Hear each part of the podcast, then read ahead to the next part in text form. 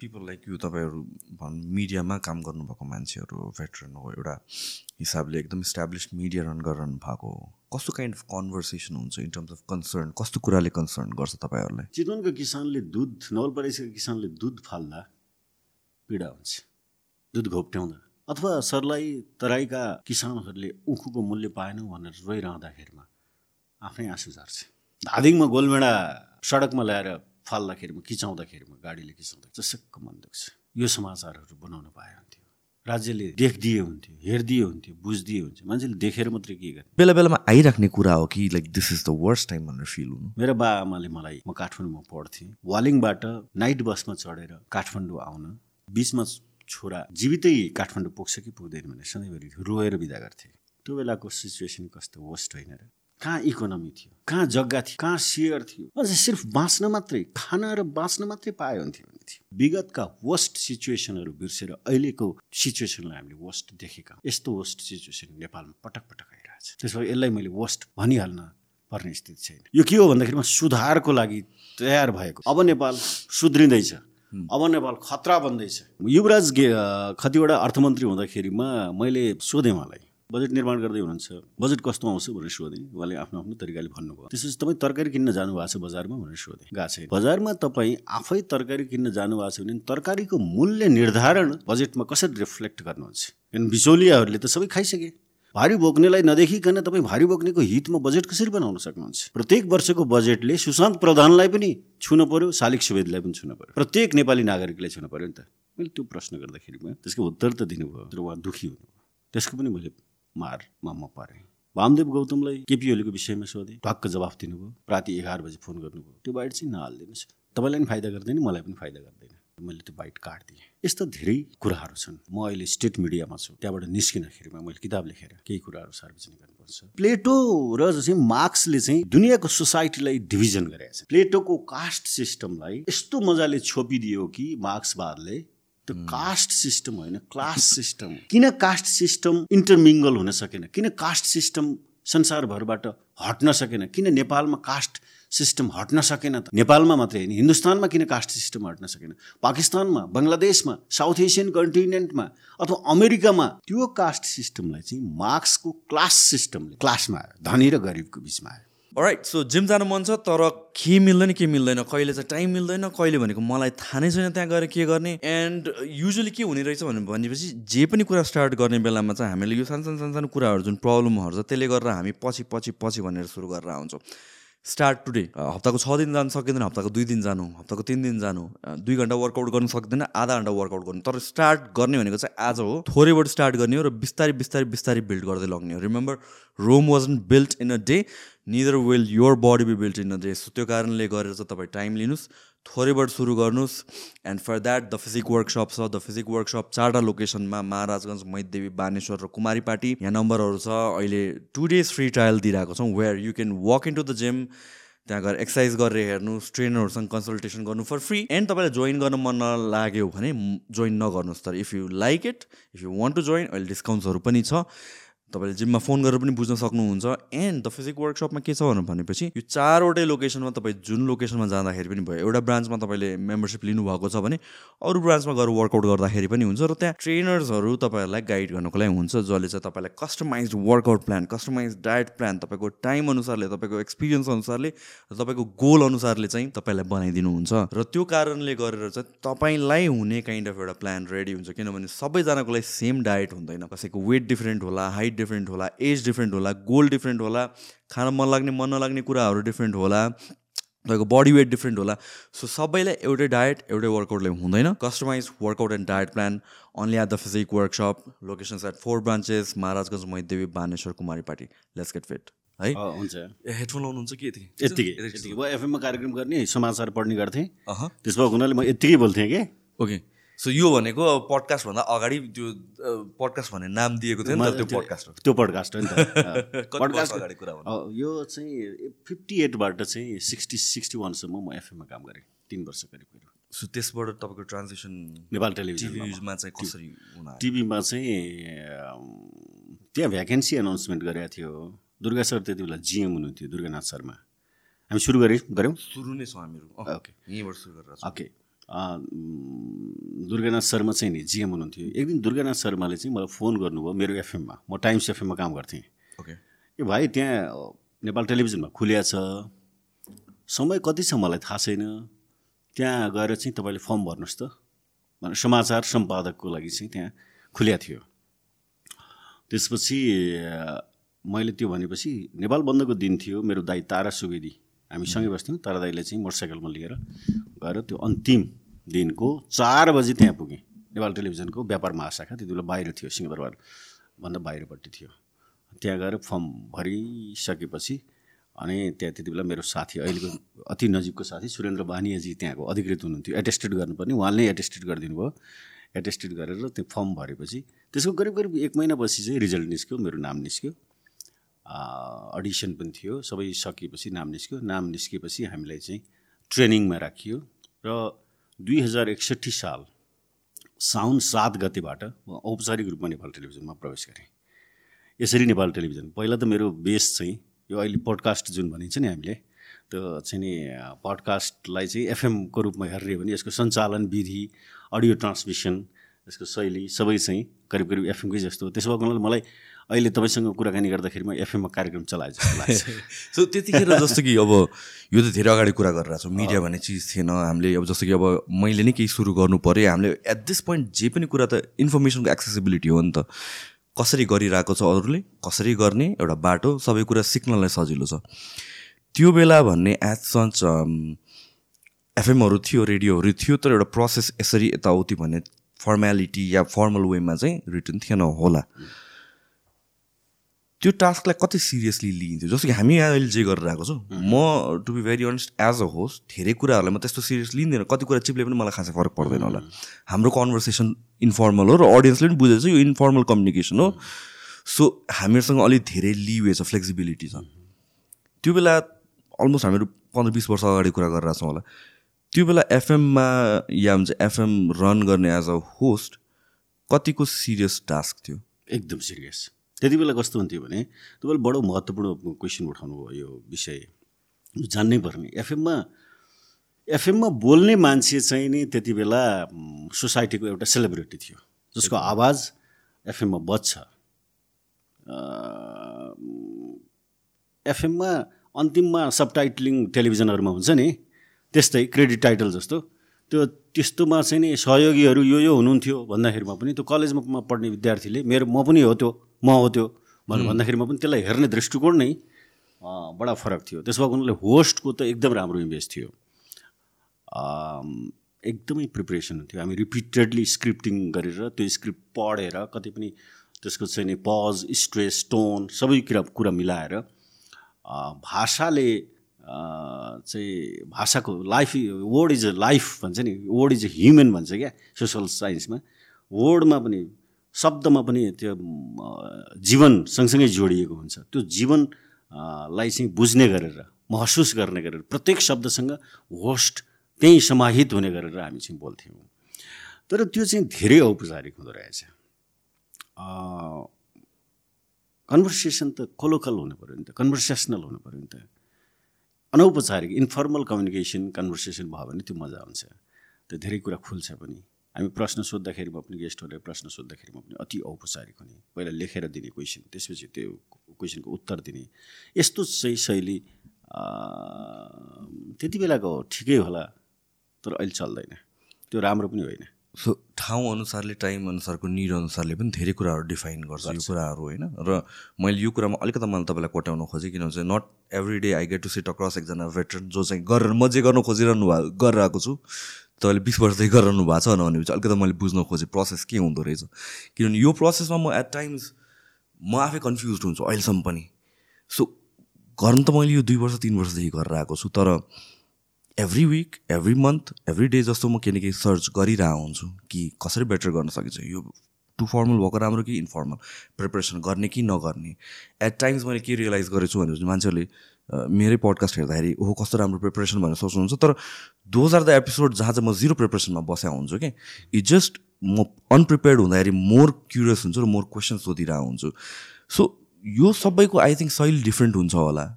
टाइमले पनि डिफ्रेन्ट पार्छ होला मान्छेले पनि डिफ्रेन्ट पार्छ होला। तपाईँको प्रोसेसमा किनभने तपाईँ त अब नेसनल टिभीमा आउनुहुन्छ एन्ड जो मान्छे तपाईँको अक्रस बस्नुहुन्छ दिज आर बिग पिपलहरू जहाँ चाहिँ मेबी क्वेसन पनि कहिलेकाहीँ सोद्धाखेरि सोधु कि नसोधु हुनसक्छ होला या डेटा रङ होला कि भन्ने क्वेसनहरू आउला मल्टिपल साइड्सबाट हेर्नुपर्ने हुनसक्छ होला। त्यस्तो बेलामा कस्तो काइन्ड अफ प्रिपरेसन जान्छ? जस्तो कि तपाईँले एउटा भन्नुभयो मेबी एट टाइम्स क्वेसन पनि दिनुपर्ने हुनसक्छ होला। तर अदर देन द्याट ब्याकग्राउन्डमा वर्क चाहिँ के हुन्छ? रिसर्च टिम बस्छ। र त्यसको लागि रिसर्च टिम हुन्छ। तपाईँलाई म एउटा बेस बताउँ सुशान्त प्रधान। सुशान्त प्रधान अहिले जे छ नि अहिलेको वर्तमान प्रेजेन्टको सुशान्त प्रधान उसको इतिहासको विगतको सुशान्त प्रधानको कन्टिन्युटी हो। उसले वान क्लासमा उसको नर्चरिङ कसरी भयो? उसको फ्यामिली स्कुल डाइकोटमी भन्छ नि। फ्यामिलीको नर्चरिङ कसरी भयो? स्कुलको नर्चरिङ कसरी भयो? उसले कस्तो पढ्यो? उसले कसले कस्तो खेल्यो? उसको अडियो कसरी उसको बोलीचाली कस्तो थियो? उसले ऊ वीरगन्जमा बस्दा कस्तो थियो? काठमाडौँमा आइसकेपछि कस्तो थियो? उसको सम्पर्क सा साथीहरू कस्तो थियो? उसको परिवार कस्तो थियो? यो सबैको यो कम्पोजिसन यो लेग्यासी यो कन्टिन्युटी अहिलेको सुशान्त प्रधान हो। अहिले सुशान्त प्रधानलाई वर्तमानमा जे देख्यो त्यो सुशान्त प्रधान होइन। जसरी शालिक सुवेदी विगतदेखि अहिलेसम्मको सबैको कन्टिन्युटी हो। त्यसले तपाईँलाई डिफाइन गरिरहेछ। विगतदेखिको वर्तमानसम्मको सबै कुराले तपाईँलाई जसरी डिफाइन गरेका छ त्यसै गरी प्रश्न पनि विगत त्यो व्यक्तिसँग अथवा विषयसँग विषयले त व्यक्तिको डिमान्ड गर्ने हो नि। हामीले कुनै पनि मान्छे तपाईँले आज मलाई बोलाउनु भयो एज अ सालिक सुविधा होइन। त्यो विषयले कुनै पनि विषयले यत्रो लामो समयसम्म टेलिभिजनमा काम गरेको रेडियोमा काम गरेको पत्र पत्रिकामा लेखेको होइन समाजको विषयमा बोलेको यी सबै चिजहरूका कारणले गर्दाखेरि नत्र टेलिभिजनमा काम गर्ने धेरै मानिस छन्। त विगतको कन्टिन्युटीको वर्तमानको अवस्थालाई तपाईँले सबै कुरा बुझ्नुभयो भने वर्तमान बल्ल देखिन्छ। विगत नहेरिकन वर्तमान देखिँदैन। सचा साँचो अर्थमा त्यसो भएको हुनाले रिसर्च गरेर सबै चिज कुनै पनि व्यक्ति अथवा विषयलाई सँग अन्तर्वार्ता गर्न पऱ्यो भने अन्तर्वार्ता एउटा नि न्युजको एउटा कन्टेन्ट हो नि त। अन्तर्वार्ता पनि एउटा न्युजको कन्टेन्ट हो। What are the sources of news भन्दाखेरि interview is also source of news भनेर हामीले पढ्यौँ नि। त्यो मतलब के त भन्दाखेरि त्यो रिसर्च गरिसकेपछि रिसर्च टिमले सबै कुरो पत्ता लगाउँछ। आफै पनि रिसर्च गरिन्छ। त्यो गरिसकेपछि अनि प्रश्न त्यही ढङ्गबाट गरिन्छ। केही पर्सनालिटी प्रमिनेन्ट फिगर्सहरू हुन्छन् जसले पहिला प्रश्न ल्याऊ त्यसपछि मात्रै उत्तर दिन्छु भन्छन्। तिनीहरूलाई तिनीहरूलाई प्रश्न पनि दिन्छौँ। केही फेरि त्यस्तै लेभलका प्रमिनेन्ट फिगर्सहरूले भन्छन् मलाई प्रश्नहरू दिनु पर्दैन। जस्तै लेरी किङले सोधेर सोधेको थियो कि एउटा जर्नलिस्टले तपाईँले लेरी किङ चिन्नुहुन्छ? एकदमै। लेरी किङलाई चाहिँ एउटा जर्नलिस्टले सोध्यो हु आर यु भनेर सोध्यो। उनले के भन्यो भने आइएम अ क्वेसन म फगत प्रश्न मात्र हो। म प्रश्न भए केही पनि होइन। उनले भनेका छन् तर प्रश्न फगत प्रश्न मात्रै हुन्छ। प्रश्न प्रश्न मात्रै हुन्छ। त्यसले के खोज्छ? एकाउन्टेबिलिटी एकाउन्टेबिलिटी त्यो प्रश्न भनेको एकाउन्टेबिलिटीको जरा हो क्या। हामीले जो मान्छेसँग प्रश्न गरिरहेछौँ सुशान्त प्रधानले या शालिक सुवेदीले आफ्नो आफ्नो मिडियामा जो मान्छेसँग प्रश्न गरिरहेछौँ नि त्यो पिपल्स भोइसलाई रिप्रेजेन्ट गरेर त्यो एकाउन्टेबिलिटी स्टेटको एकाउन्टेबिलिटीलाई अक्षुण राख्नको लागि प्रश्न गरिरहेछौँ एकाउन्टेबिलिटी भनेको के हो? एन्सरेबल एन्सरेबल हुनु पऱ्यो सोसाइटीप्रति एन्सरेबल हुनु पऱ्यो रेडी टु एन्सर त्यो एकाउन्टेबिलिटी त्यसो भएको हुनाले हामीले गरेको त्यो एकाउन्टेबल हुनको लागि चाहिँ केही कुराहरू प्रिपरेसन गर्नुपर्ने हुन्छ। त्यो प्रिपरेसन गरेको कुरा केही देखिन्छ। देखिएको चाहिँ त्यो ओपन क्लोज क्वेसन भयो। नदेखिएको चिज चाहिँ त्यो स्पोन्टेनिटी भन्छ स्पोन्टेनियस क्वेसनहरू आउने कुराहरू चाहिँ त्यो ओपन क्वेसन भयो ओपन इन्टरभ्यू भयो। त्यसरी गर्न सकिन्छ। म धेरै गरेको छु। क्लोज पनि गरेको छु ओपन पनि गरेको छु। So when it comes to यो क्वेसनिङकै कुरामा पनि कुनै some sort of resistance feel हुन्छ? यो क्वेसन सोधौँ न सोधौँ न I like as a veteran त तपाईँले त कति कुराहरू त्यो ह्यान्डल गर्नु पनि सिकिसक्नुभयो होला। स्टार्टिङ आउटमा च्यालेन्जिङ थियो होला। आफ्नो अगाडि यत्रो ठुलो पोलिटिकल फिगर बसिरहेको छ या भन्छ सोसाइटीले चिनेको मान्छे बसिरहेको छ। सो त्यो कहिलेकाहीँ डिरेक्ट कन्सिक्वेन्सेस होइन कि इन्डिरेक्ट कन्सिक्वेन्सेसको पनि डर हुन्छ। लेट्स से मसँग कोही एउटा पोलिटिकल आइडियोलोजी भएको लिडर बसिरहेको छ भनेपछि उहाँले भनेको क्वेसनलाई मैले एउटा as a very innocent question मात्र गऱ्यो भने पनि त्यसलाई च्यालेन्ज गरे जस्तो हिसाबले उहाँको सराउन्डिङ पिपलले हेर्न सक्छ। र that can be a threat in a way एउटा रेजिस्टेन्स त्यसले क्रिएट गरिदिन्छ। त्यो त्यो सिचुएसनमा पर्नु भएको छ तपाईँ। कति परेको छु धेरैचोटि परेको छु एकदम धेरैचोटि मैले झलनाथ खनाल प्रधानमन्त्री हुनुहुन्थ्यो। प्रधानमन्त्री हुँदाखेरिमा मैले कार्यक्रम चलाएँ उहाँले अन्तर्वार्ता गरेँ। तपाईँले राजीनामा किन नदिने भनेर सोधेको छु। अब त्यति बेला त बोल्नुभयो उहाँ। त्यसपछि बाहिर निस्किसकेपछि उहाँको चाहिँ नि नजिकका मान्छेहरूले चाहिँ मेरो न्युजको डाइरेक्टर हुनुहुन्थ्यो राजन देव आचार्य स्वर्गीय हुनुभयो उहाँ। उहाँलाई चाहिँ अति धेरै दुःख दिने भनौँ न। सोध्ने प्रश्न गर्ने काम भयो। उहाँले मलाई पनि भन्नुभयो यो तपाईँले ठिक गर्नुभयो भन्नुभएको छ मलाई तर उहाँले त्यो रेसिस्टेन्स त्यो प्रब्लम चाहिँ उहाँले झेलिरहनु भएको छ क्या। मलाई चाहिँ ठिक गरी त यही हो जर्नलिजम भन्नुभएको छ प्रमोट गरिरहनु भएको छ। तर उहाँ त्यो पीडा चाहिँ उहाँले आफैले सहनु भएको छ। त्यो पनि भएको छ। युवराज कतिवटा अर्थमन्त्री हुँदाखेरिमा मैले सोधेँ उहाँलाई। तपाईँले बजेट निर्माण गर्ने क्रम थियो। बजेट निर्माण गर्दै हुनुहुन्छ। बजेट कस्तो आउँछ भनेर सोधेँ। उहाँले आफ्नो आफ्नो तरिकाले भन्नुभयो। त्यसपछि तपाईँ तरकारी किन्न जानुभएको छ बजारमा भनेर सोधेँ। गएको छैन। अनि बजारमा तपाईँ आफै तरकारी किन्न जानुभएको छ भने तरकारीको मूल्य निर्धारण बजेटले गर्ने कुरा त्यहाँ कन्ज्युमर राइट्सलाई चाहिँ तपाईँले बजेटमा कसरी रिफ्लेक्ट गर्नुहुन्छ? किन बिचौलियाहरूले त सबै खाइसके। उत्पादन गर्ने कृषक पनि खान पाएको छैन एकदमै थोरै पैसा छ। उपभोक्ता चाहिँ एकदम मारमा परेको छ। त बिचमा बस्ने मान्छेहरूले त भयङ्कर खाइरहेछन्। त बजेटले त्यो गरिब किसान र कस कन्ज्युमर्सलाई कहाँ सम्बोधन गर्छ? मैले प्रश्न गरेँ। तपाईँ आफै तरकारी किन्न नगइकन तपाईँ कसरी थाहा पाउनुहुन्छ? बजेट त त्यसरी निर्माण गर्नुपर्छ। गाउँ गाउँ भारी बोक्नेलाई नदेखिकन तपाईँ भारी बोक्नेको हितमा बजेट कसरी बनाउन सक्नुहुन्छ? घरमा ऋणले डुबेर विदेश गएर चाहिँ रेमिटेन्स पठाएर ऋण तिर्न आफ्नो बास छाप्रो बनाउनु पर्नेहरूको पीडा तपाईँले ती मानिसहरूसँग नजिक नबसिकन तिनीहरूको दुःख नदेखिकन कसरी बजेट बनाउनुहुन्छ?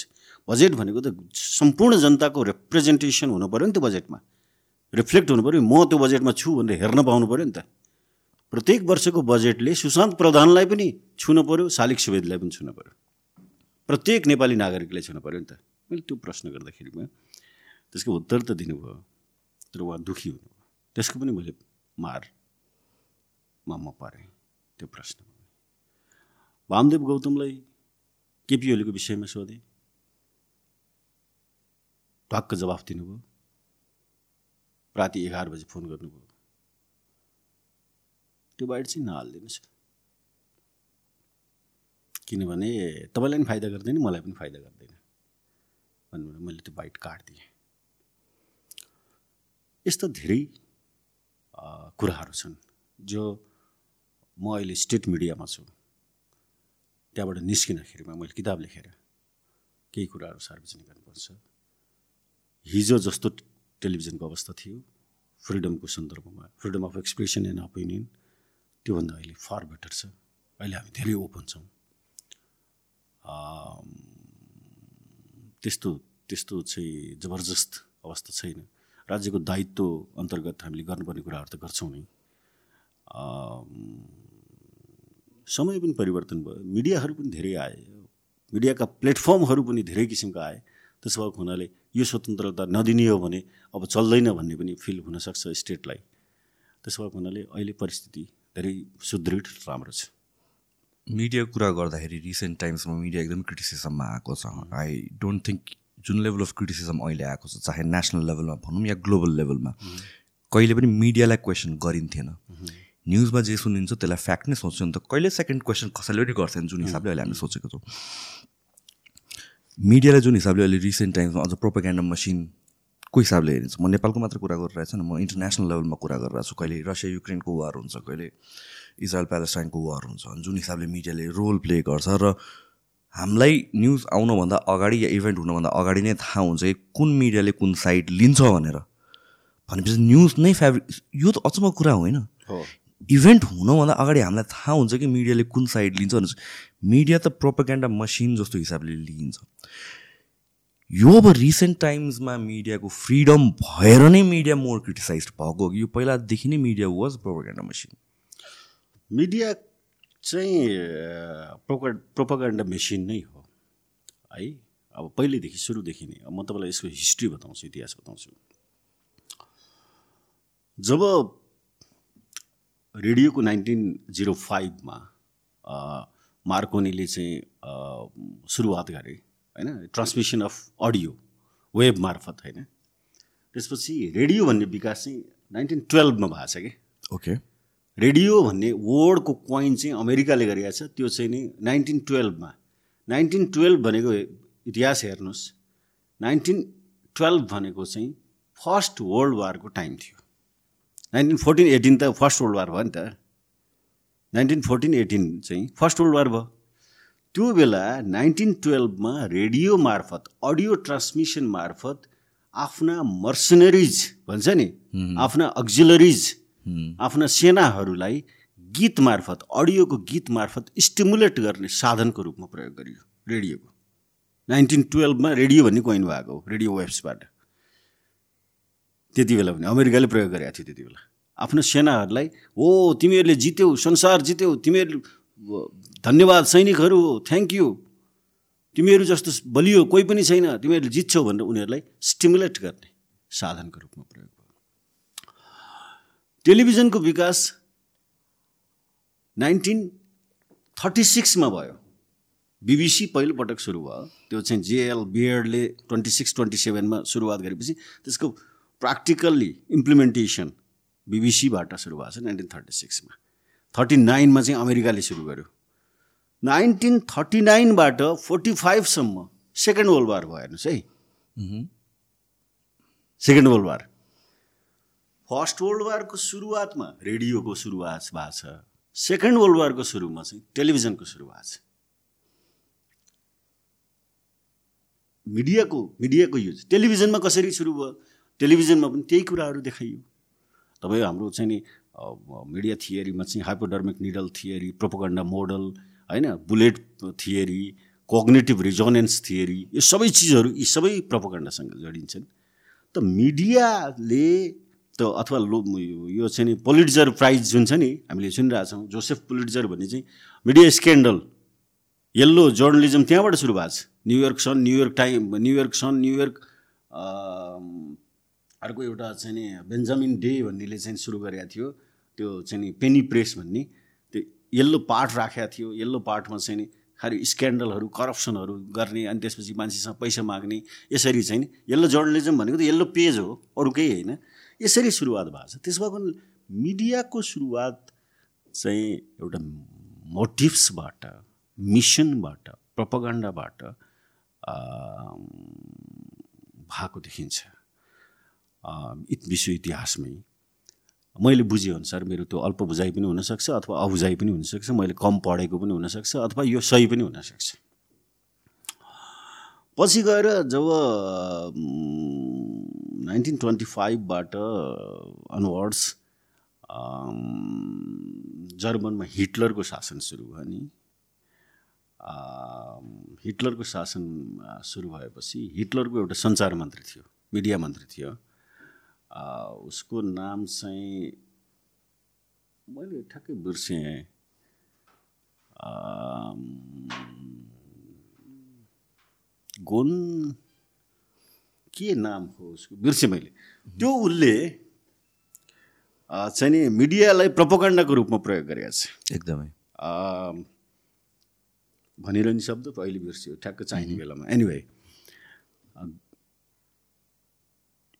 त्यसले चाहिँ नि मिडियालाई भयङ्कर दुरुपयोग गरेको छ हिटलरको बेलामा। त्यसलाई प्रपोगण्डा त्यहाँबाट प्रपोगण्डा मोडल भन्ने सुरु भएको छ। मोडल अफ प्रोपो प्रोपोगण्डा भनेको चाहिँ मिडियाले कसरी प्रोपोगण्डा गर्छ भन्ने कुरा चाहिँ हिटलरको शासनबाट सुरु भएको छ।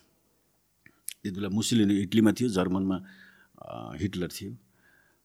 अहिले आएर पछिल्लो समय सरसर्ती हेर्दा एकदम अहिले त अल्ट्रा डेभलप्ड मिडिया हो नि त होइन? अल जजिराले चाहिँ नि कसलाई सपोर्ट गर्छ होइन? सिएनएन बिबिसीले कसलाई सपोर्ट गर्छ? यो ग्लास खसेर फुट्यो भने जोसेफ गोबल्स हो? गोबल्स गोबल्स गोबल्स हिटलरको सञ्चार मन्त्रीको नाम चाहिँ गोबल्स गोबल्स थियरी भन्ने आयो। कस्तो त भन्दाखेरि प्रपोगण्डा मना मचाउने त्यो मन्त्रीले सञ्चार मन्त्रीले त्यो मिडिया मन्त्रीले मिडिया कमान्ड गर्ने मन्त्रीले चाहिँ सारा मिडियाहरूलाई चाहिँ स्टेटले प्रोभाइड गर्थ्यो र यो चाहिँ नि जिविसहरूलाई सिद्ध्याउनुपर्छ स्टेटलेसनेस जिविसहरू चाहिँ लाई के भन्यो भन्दाखेरिमा तिमीहरू तिमीहरू नागरिक होइनौ। नागरिक नभएपछि तिमीहरू सिटिजनलेसनेस नागरिक नभएपछि त तिमीहरू आतङ्कवादी हौ। त्यसो भएको त्यो सिटिजन न जो नागरिक होइन तिनीहरूलाई चाहिँ हामीले मार्न पाउनुपर्छ। भनेर त्यत्रो चाहिँ मेसेकर गर्यो। सिक्स मिलियन पिपल होइन? त्यो मिडियाले चाहिँ ओके मिडियाले चाहिँ त्यति बेला त्यस्तो खेल खेलेको छ। अहिले मिडिया त ठुलो विकास भएको छ होइन? एउटा लिनियर मोडलमा मिडियाको विकास भएको छ कि? भनेको तपाईँ म अहिले कन्भर्सेसन गरिरहेछौँ तपाईँ र म कन्भर्सेसन गरेको चाहिँ अडियन्सले सुन्न बाध्य छ। यो चाहिँ नि ट्रान्ज्याक्सनल मोडलमा अथवा कन्भर्सेसनल मोडलमा छैन। पिपुलहरू चाहिँ नि के हो भने त they are they are forced in crowds to listen त्यसो भइसकेपछि सिटिजन जर्नलिजम सुरु भयो। सिटिजन जर्नलिजम भनेको अहिले हामीले पडकास्ट जुन गरिरहेछौँ त्यो चाहिँ हरेक नागरिकले पडकास्ट गर्न सक्छ फेसबुकमा लेख्न सक्छ इन्स्टाग्राममा लेख्न सक्छ आफैले मिडिया चलाउन सक्छ युट्युबहरू निस्के होइन? यो सबै चिज चाहिँ के हो भन्दाखेरिमा मिडियालाई प्रोपोगान्डासँगै जोडेको हुनाले अहिले मिडियाको चाहिँ नि त्यो सिटिजन जर्नलिजम न्यू मिडियासम्म मान्छे हरेकको हातमा अहिले मिडिया छ आफ्नै मिडिया छ। त्यो बन्छ त्यो स्थिति। आएको त्यसो भएको हुनाले मिडिया फ्री हुन्छ भन्ने कुरामा चाहिँ म विश्वास गर्दिनँ। कहिले पनि इन्डिपेन्डेन्ट हुन सक्दैन। मिडिया कहिले इन्डिपेन्डेन्ट हुन सक्दैन। म त्यसको कारण बताउँछु। मैले हाम्रो इन्फर्मल टकमा पनि भएको थियो। यो दुनियाँमा फ्री भन्ने चिज चाहिँ नि एब्सोल्युट फ्री भन्ने चाहिँ हो नि त हाम्रो कन्स्टिट्युसनले मिडिया यो चाहिँ freedom of expression and opinion media freedom भन्ने चाहिँ एब्सोल्युट फ्रिडम भनेर भनेको छ। एब्सोल्युट फ्रिडम भनेको नेचर बाहेक यो दुनियाँमा कुनै चिजै हुँदैन। प्रकृति एब्सोल्युट फ्री छ। प्रकृति बाहेक यो सोसल कन्स्ट्रक्ट्स हरेक चिज रिलेटिभ छन्। मान्छे ऱ्यासनल छ अरू रिलेटिभ छन्। अरू ऱ्यासनल हुँदैन है फेरि। मान्छे मात्रै हो ऱ्यासनल त्यो भनेको फ्री होइन। ऱ्यासनल हुन्छ। तर अरू चाहिँ रिलेटिभ हुन्छन्। मान्छे बाहेक हाम्रो बायोटिक अबायोटिक कम्पोनेन्ट छ नि। बायोटिकमा मान्छे ह्युमन बिइङ चाहिँ ऱ्यासनल हुन्छ। अरू बायोटिक कम्पोनेन्ट्सहरू फेरि रिलेटिभ हुन्छन्। अबायोटिक चिजहरू त्यो फ्री हुन्छ। नेचर फ्री हुन्छ। ने मिडिया कसरी फ्री हुन्छ? तपाईँले बनाएको चिज कसरी? जस्तै एआई फ्री हुन्छ कि हुँदैन? एआई फ्री हुन सक्दैन नि।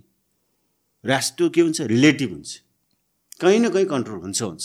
र हुनु पनि पर्छ। हुनु पनि पर्छ। नत्र भने त अराजकता आइहाल्छ। त्यसो मिडिया फ्री भन्ने चाहिँ हुँदैन। तर लिबर्टी अफ फ्रिडम हुनुपर्छ। लिबर्टी भनेको चाहिँ responsible free freedom with responsibility जज बनर साले हो कि जस्तो लाग्छ। Liberty means responsibility that's why that's why many people dread it हो कि यस्तो के भनेको छन्?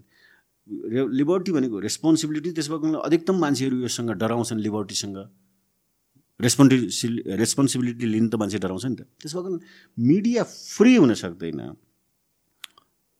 मिडिया रेस्पोन्सिबल हुनुपर्छ responsible to the society responsible to the state responsible to the humanity responsibility responsible to the harmony responsible to the development responsible to the peace media त्यो हुनुपर्छ भए जस्तो लाग्दैन.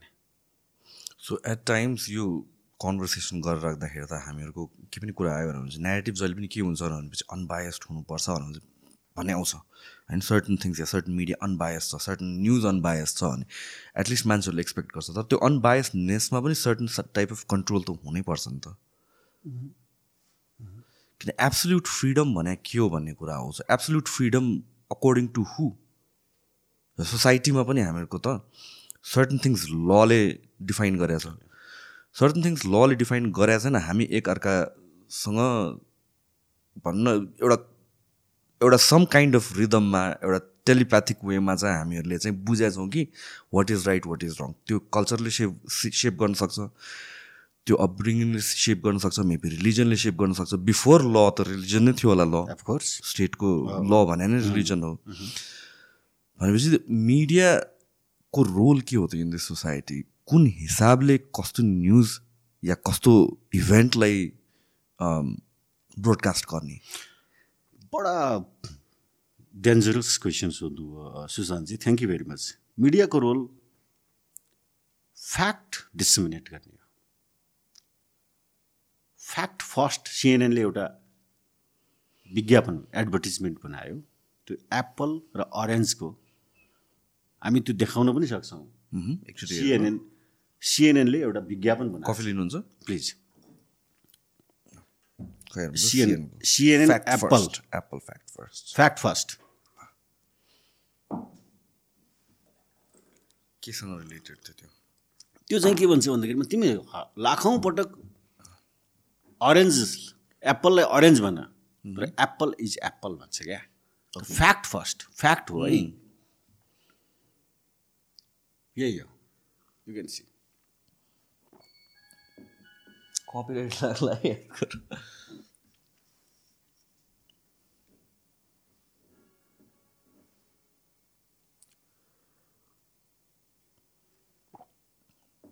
अडियो पनि छ।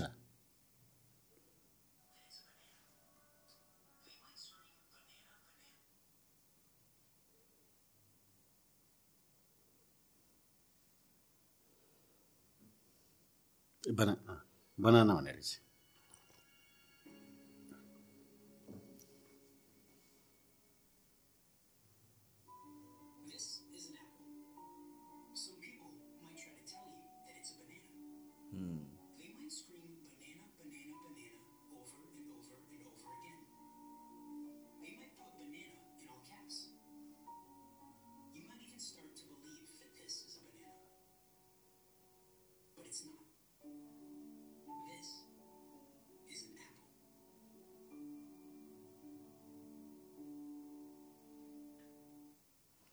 सिएनएनले बनायो र मिडियामा प्रपागन्डा भयो। मिडियामा फेक न्युजहरू आउन थाल्यो। मिस इन्फर्मेसन हुन थाल्यो। डिसइन्फर्मेसन हुन थाल्यो।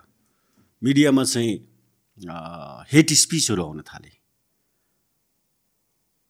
के हो त मिडियाको रोल भन्ने विषयमा? सिएनएनले विज्ञापन नै एडभर्टिजमेन्ट नै बनायो। फ्याक्ट्स फर्स्ट फर्स्ट फ्याक्ट होइन। मिडियामा फेरि एउटा कम्पिटिसन भयो मिडिया मिडियामा। कि पहिला कसले दिने त? हो। इन्फर्मेसन एउटा घटना घट्यो इभेन्ट घट्यो। पहिला कसले दिने त? भन्ने लडाइँ भयो। पहिला जसले दिन्छ त्यो एकदमै चाँडो हिट हुने स्थिति आयो। त्यसपछि पहिला दिने लडाइँमा फ्याक्टहरू डिस्टोर्ट हुने भयो। भनिसकेपछि यसलाई के भन्न सक सकिन्छ भने सिएनएनले रेस्पोन्सिबल मिडिया हुनुपर्छ है भनेर फ्याक्ट्स फर्स्ट। फर्स्ट फ्याक्ट भनेन। Facts and then first.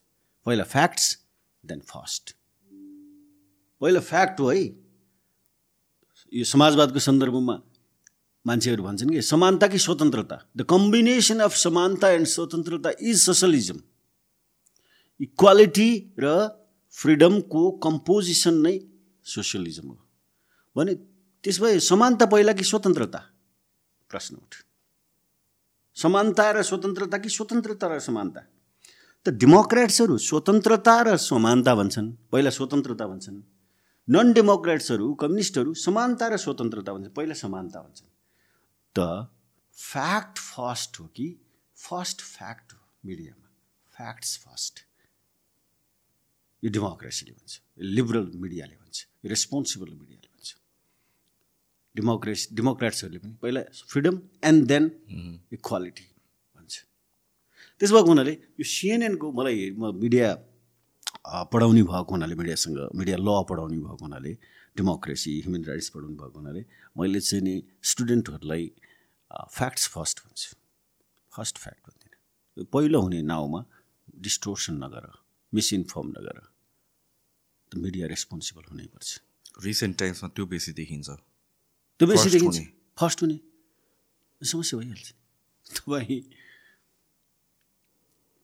अमेरिकामा फ्लोरिडामा सुनामी आयो कट्रिना आयो रिना आयो एउटा कुनै आयो। एउटा फ्रेगमेन्ट अफ सेकेन्डको एउटा इन्फर्मेसनले लाखौँ मान्छे बचाउँछ कि बचाउँदैन? र फ्रेगमेन्ट अफ सेकेन्डको एउटा इन्फर्मेसनले लाखौँ मान्छेलाई सताउँछ कि सताउँदैन? फ्याक्ट फर्स्ट फर्स्ट हुने नाउँमा डिस्टोर्सन अफ फ्याक्ट भयो भने सताउँछ त्यो लाखौँ मानिसलाई। त मिडियामा त्यत्रो पावर छ नि त। त्यही भएर रेस्पोन्सिबल मिडिया हो त हाम्रो समाजमा यो एगोनी यो एन्टागोनिस्टिक बिहेभियरहरू यो यो यो सोसाइटी बिचको चाहिँ नि एकदम अन्तर्द्वन्द रिलिजियस कास्ट सोसल कन्स्ट्रक्टहरूमा लडाइँ गरिरहेको छ कि ह्युमेनिटीमा छैन। त यसलाई चाहिँ मिडियाले त media can construct the society media can destruct the society responsible मिडियाले कन्स्ट्रक्ट गर्छ. इरेस्पोन्सिबल मिडियाले डिस्ट्रक्ट डिस्ट्रोय गर्छ हार्मोनी त्यो गर्न सक्छ। म चाहिँ am huge proponent of freedom of speech र मिडिया भनेको फ्री हुनुपर्छ र यो भनेको चाहिँ हाम्रो ओपिनियन सबैको ओपिनियन सबैको भोइस चाहिँ अनफिल्टर्ड वेमा प्रेजेन्ट हुनुपर्छ भन्ने म एकदम बिलिभ गर्छु कि म। देयर वाज वान पोइन्ट जुन बेला चाहिँ एउटा एपिसोड मैले दुई सय प्लस एपिसोड गरिसकेँ। यो दुई सय प्लस एपिसोडमा एउटा पनि एडिट गरेको छुइनँ मैले जस्ताको त्यस्तै फ्रम द रेकर्ड अन भएदेखि रेकर्ड अफ भएसम्म त्यसरी नै मैले पब्लिस गरेको छु। एउटा एपिसोडमा मैले पन्ध्र मिनट जस्तोको सेगमेन्ट काट्नु परेको थियो। बिकज सोसाइटीसँग रिलेटेड अलि एक्सट्रिम नै कन्भर्सेसन भएको थियो। ओपिनियन हो उहाँले ओपिनियन राख्न पाउनुपर्छ। त्यो त्यतिखेर मलाई चाहिँ एकदमै हुन्छ नि आफूतिर नै मैले अलिकति सेल्फ क्रिटिसिजम फिल गरेको थिएँ कि मैले आफूले आफूलाई नै क्वेसन गरेको थिएँ। किनभने यत्रो proponent of freedom of speech every conversation should be un unfiltered र यो त्यो भन्दा भन्दै यत्रो मैले अहिलेसम्म कन्टेन्ट क्रिएट गरिरहेको आठ दस वर्ष भइसक्यो। अहिले आएर मैले एउटा पन्ध्र मिनटको सेगमेन्ट काट्नु पर्दाखेरि चाहिँ मलाई अलिकति नरमाइलो लाग्थ्यो। आफ्नै सिद्धान्तको अपोजिट गइरहेको छु कि जस्तो लाग्थ्यो। तर रिसेन्ट टाइम्समा यसो रिफ्लेक्ट ब्याक गरेर हेर्दाखेरि त्यो पनि एट टाइम्स चाहिने रहेछ। फ्रिडम अफ स्पिच तपाईँले भने जस्तो हन्ड्रेड पर्सेन्ट त्यो भन्दैमा हन्ड्रेड पर्सेन्ट फ्री पनि होइन। At certain times responsibility bear पनि गर्नुपर्छ र एट सर्टन टाइम्स सानो एक्सनले गरेर इफ लार्जर कन्सिक्वेन्सेसलाई होल्ड ब्याक गर्न सकिन्छ भनेपछि त्यो छेक्नु पनि पर्छ जस्तो लाग्छ। एक्ज्याक्टली तपाईँले फ्रिडम अफ स्पिचलाई कर्टेल गर्नुभएको छैन। Freedom of speech and expression के का लागि तपाईँले त्यसको पक्षमा हुनुहुन्छ भन्दाखेरिमा तपाईँ सोसाइटीको निम्ति रामले बालीलाई रुखमा छेकेर मारे। होइन बालीले त रामलाई जो जो अगाडि देखिन्छ त्यसको आधा शक्ति त रा बालीले आफैले लिन्थ्यो नि त। त्यसबाट रुखमा छेकिएर मारे। किन मारे? मान्छे मारेका छन् रामले लुकेर छेकिएर छलेर र त्यसलाई हामीले धर्म मानियो। किन एउटा बालीलाई मार्दा सारा त्यो चाहिँ नि किस्किन्दा त्यो सारा किस्किन्दा सुरक्षित हुन्छ हार्मोनी हुन्छ भने। मार्नु। एउटा रावणलाई मार्दा सारा लङ्का सुरक्षित हुन्छ भने। रावणलाई मार्दाखेरि त्यसलाई धर्म भन्छ क्या। त्यसो भएको हुनाले मिडियामा पनि फ्रिडम अफ स्पिच भनेको मन परी होइन नि त। रेस्पोन्सिबल फ्रिडम हो नि. रेस्पोन्सिबल फ्रिडम हो. सोसाइटीलाई कन्स्ट्रक्ट गर्ने फ्रिडम हो. सोसाइटीभन्दा बियोन्ड त हामी कहाँ जान सक्छौँ? र त्यसो भएको हुनाले यसलाई चाहिँ नि एब्सोल्युट फ्रिडम संसारमा छँदै छैन अब एउटै कुरा छ होइन तपाईँ हामीले बुझेको। यो ग्लासमा कफी छ आधा कफी छ। वाट इज द रियालिटी के हो त? Absolute भन्दाखेरिमा there is no absolute reality आधा कफी छ इज वान रियालिटी आधा खाली छ इज अनदर रियालिटी त्यस भएको मल्टिपल ट्रुथ भन्ने ड्यारिडाहरूले ल्यायो नि त। There is no absolute truth there is multiple truth त एब्सोल्युट भन्ने छँदै छैन। एब्सोल्युट एउटै चिज हो त्यो नेचर सो नेचरको कुरा गर्दाखेरि अघि नैको कन्भर्सेसनमा हाम्रो स्टार्टिङको कन्भर्सेसनमा मैले लगेँ when it comes to class र कास्टको कुरा हामीले सुरु गरेको थियो इन्ट्रेस्टिङ तपाईँले टेक दिनुभयो प्लेटोको कन्भर्सेसनबाट लेट्स स्टार्ट विथ द्याट यो चाहिँ नि अब यो नेपालमा अब तपाईँले चाहिँ नि यो रिलिजियस कन्टेन्टहरू नेपाल बहुजाति बहुभाषी बहुधार्मिक होइन नेपाल मात्रै होइन संसारभर त्यस्तो चाहिँ धर्मको विषयमा कि एउटा चाहिँ नि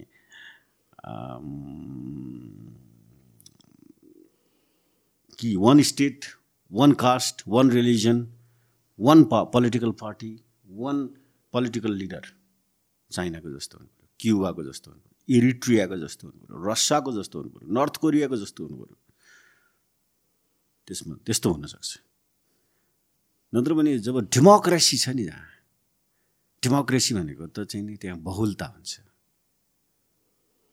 त्यहाँ डाइभर्सिटी हुन्छ। Acceptance of diversity and acceptance of inclusion त्यो डेमोक्रेसी हुन्छ। यो चाहिँ नि तर त्यसलाई त्यो हार्मोनीलाई विभाजन गर्ने चाहिँ नि पटक पटक प्रयास भएको छ। खास भने नेचरले वान कास्ट हुन्छ प्रकृतिले त। There is I know only one caste that is human humanity भनेर मेन्सियस भन्ने मोजी स्कुल चाइनामा छब्बिस सय वर्ष अगाडि एउटा चाहिँ मोजी स्कुल खुलेको थियो। मेन्सियस भन्ने एउटा सासेज थियो चाइनामा। त्यसले के भनेको छ भन्दाखेरिमा I know only one thing one caste that is human मान्छे नाक थेप्चो लाम्चो हुनु भनेको चाहिँ त्यो नेचर हो। तर म नेवार हो म ब्राह्मण हो भनेको यो त सोसल कन्स्ट्रक्ट हो नि। त प्लेटोले यो संस यो यो दुनियाँलाई विभाजन चाहिँ प्लेटो र प्लेटो र मार्क्सले गरेका छन् कि? हामीले कति बुझेका छौँ बुझेका छैनौँ थाहा छैन। म मार्क्सवादी को चाहिँ नि ठुलो अध्येता त होइन। तर सरसर्ती प्लेटो र चाहिँ मार्क्सले चाहिँ यो दुनियाँको सोसाइटीलाई डिभिजन गरेका छन्। प्लेटोले के भने भन्नु होला भने सरस्वती यसलाई बडा गजब के छ भने प्लेटोले आइडियल स्टेटको परिकल्पना गरे। स्टेट कस्तो हुनुपर्छ आइडियल? जस्तो राम राज्य भनेर भन्छौँ नि होइन? पछि चाहिँ नि मलाई जहाँसम्म लाग्छ त्यो आइडियल स्टेटको विषयमा रसल यो ब्रिटिस फिलोसफर रसल बर्नट भन्नेले चाहिँ नि हिन्दुस्तानको चाहिँ नि राष्ट्रपतिलाई चाहिँ तिमी प्लेटोले भने जस्तो आइडियल स्टेटको चाहिँ राष्ट्रपति भयो भनेर चाहिँ भनेका छन्। उनले के भने भन्दाखेरिमा एजुकेसन स्टेटको निर्माण गर्नुपर्छ। स्टेट त्यो ल अफ जस्टिसमा त्यो रिपब्लिक भन्ने किताब लेखेका छन् कि उनले प्लेटोले। त्यो त्यसमा चाहिँ ल अफ जस्टिसमा चाहिँ के भने एजुकेसन सिस्टम चाहिँ नि सुरु गर्नुपर्छ। सबैलाई एउटै एजुकेसन सिस्टममा राख्नुपर्छ सबैलाई पढाउनुपर्छ। र त्यो पढाउँदाखेरिमा तिन वर्गको मान्छेहरू निस्किन्छन् त्यहाँबाट पढाउँदाखेरि। त्यो स्कुलबाट निस्किँदाखेरिमा एउटा केजभित्र त्यो मिथ अफ केज भनेर केब भनेको छ क्या त्यसले? मिथ अफ केब केबभित्र एउटा केबभित्रको मिथ सँगसँगै जोडेर प्लेटोले भनेका छन्। त्यो केबबाट बाहिर निस्किँदाखेरिमा तिन किसिमको मान्छे निस्किन्छ। एउटा टेम्परेन्स जो पढ्न नचाहने पढ्न नचाहने अरू चिज गर्न चाहन्छ। एजुकेसन सिस्टम राज्यले गर्नुपर्छ। सबैले राज्यले निशुल्क एजुकेसन अ, व्यवस्था गर्नुपर्छ। सबै बच्चाहरू पढ्न पाउनुपर्छ। सबै पढ्छन्। त्यो के के के के भित्र बस्यो? निस्किँदाखेरिमा एउटा पढ्नै नचाहने। ओ टेबल कुर्सी बनाउन ठोकठाक पार्ने। एउटा त्यस्तो हुन्छ टेम्परेन्स एउटा चाहिँ नि इमोसन्स निस्किन्छ। भनेको एक्जुलरिज जो चाहिँ हात हतियारहरू चलाउन सक्ने ए बट उठ गर्न सक्ने शासन गर्न सक्ने किसिमको निस्किन्छ। एउटा चाहिँ नि रिजन निस्किन्छ ऱ्यासनल निस्किन्छ नलेज निस्किन्छ। भनौँ तिनवटा वर्गमा विभाजन गरे प्लेटोले। प्लेटोले बिगारेको हो यो। अब यो चाहिँ ने- यो चाहिँ विश्वमै सबैभन्दा धेरै पढिने फिलोसफी चाहिँ कि त प्लेटोको जस्टिसको नलेजको एजुकेसन सिस्टमको स्टेटको आइडियल स्टेटको कि त मार्क्सको मार्क्सवादको वर्ग प्रोटे प्रोलेटेरिएट र चाहिँ बुर्जुवा भनेर वर्गको। सबभन्दा धेरै क्रिटिसिजम पनि यिनीहरूकै हुन्छ। त प्लेटोले तिनवटा वर्गमा समाजलाई विभाजन गर्यो। तिन किसिमको। यो प्लेटोले कहाँबाट ल्यायो त? मलाई त थाहा छैन यसको इतिहास। मान्नुहोस् प्लेटोको धर्म के? प्लेटोको धर्म थाहा छैन नि त। सक्रेट्सको धर्म के? प्लेटोको धर्म। आजभन्दा पच्चिस सय वर्ष अगाडि कुन धर्म मानिन्थ्यो? के जिसस क्रिस्चियन धर्म थियो त?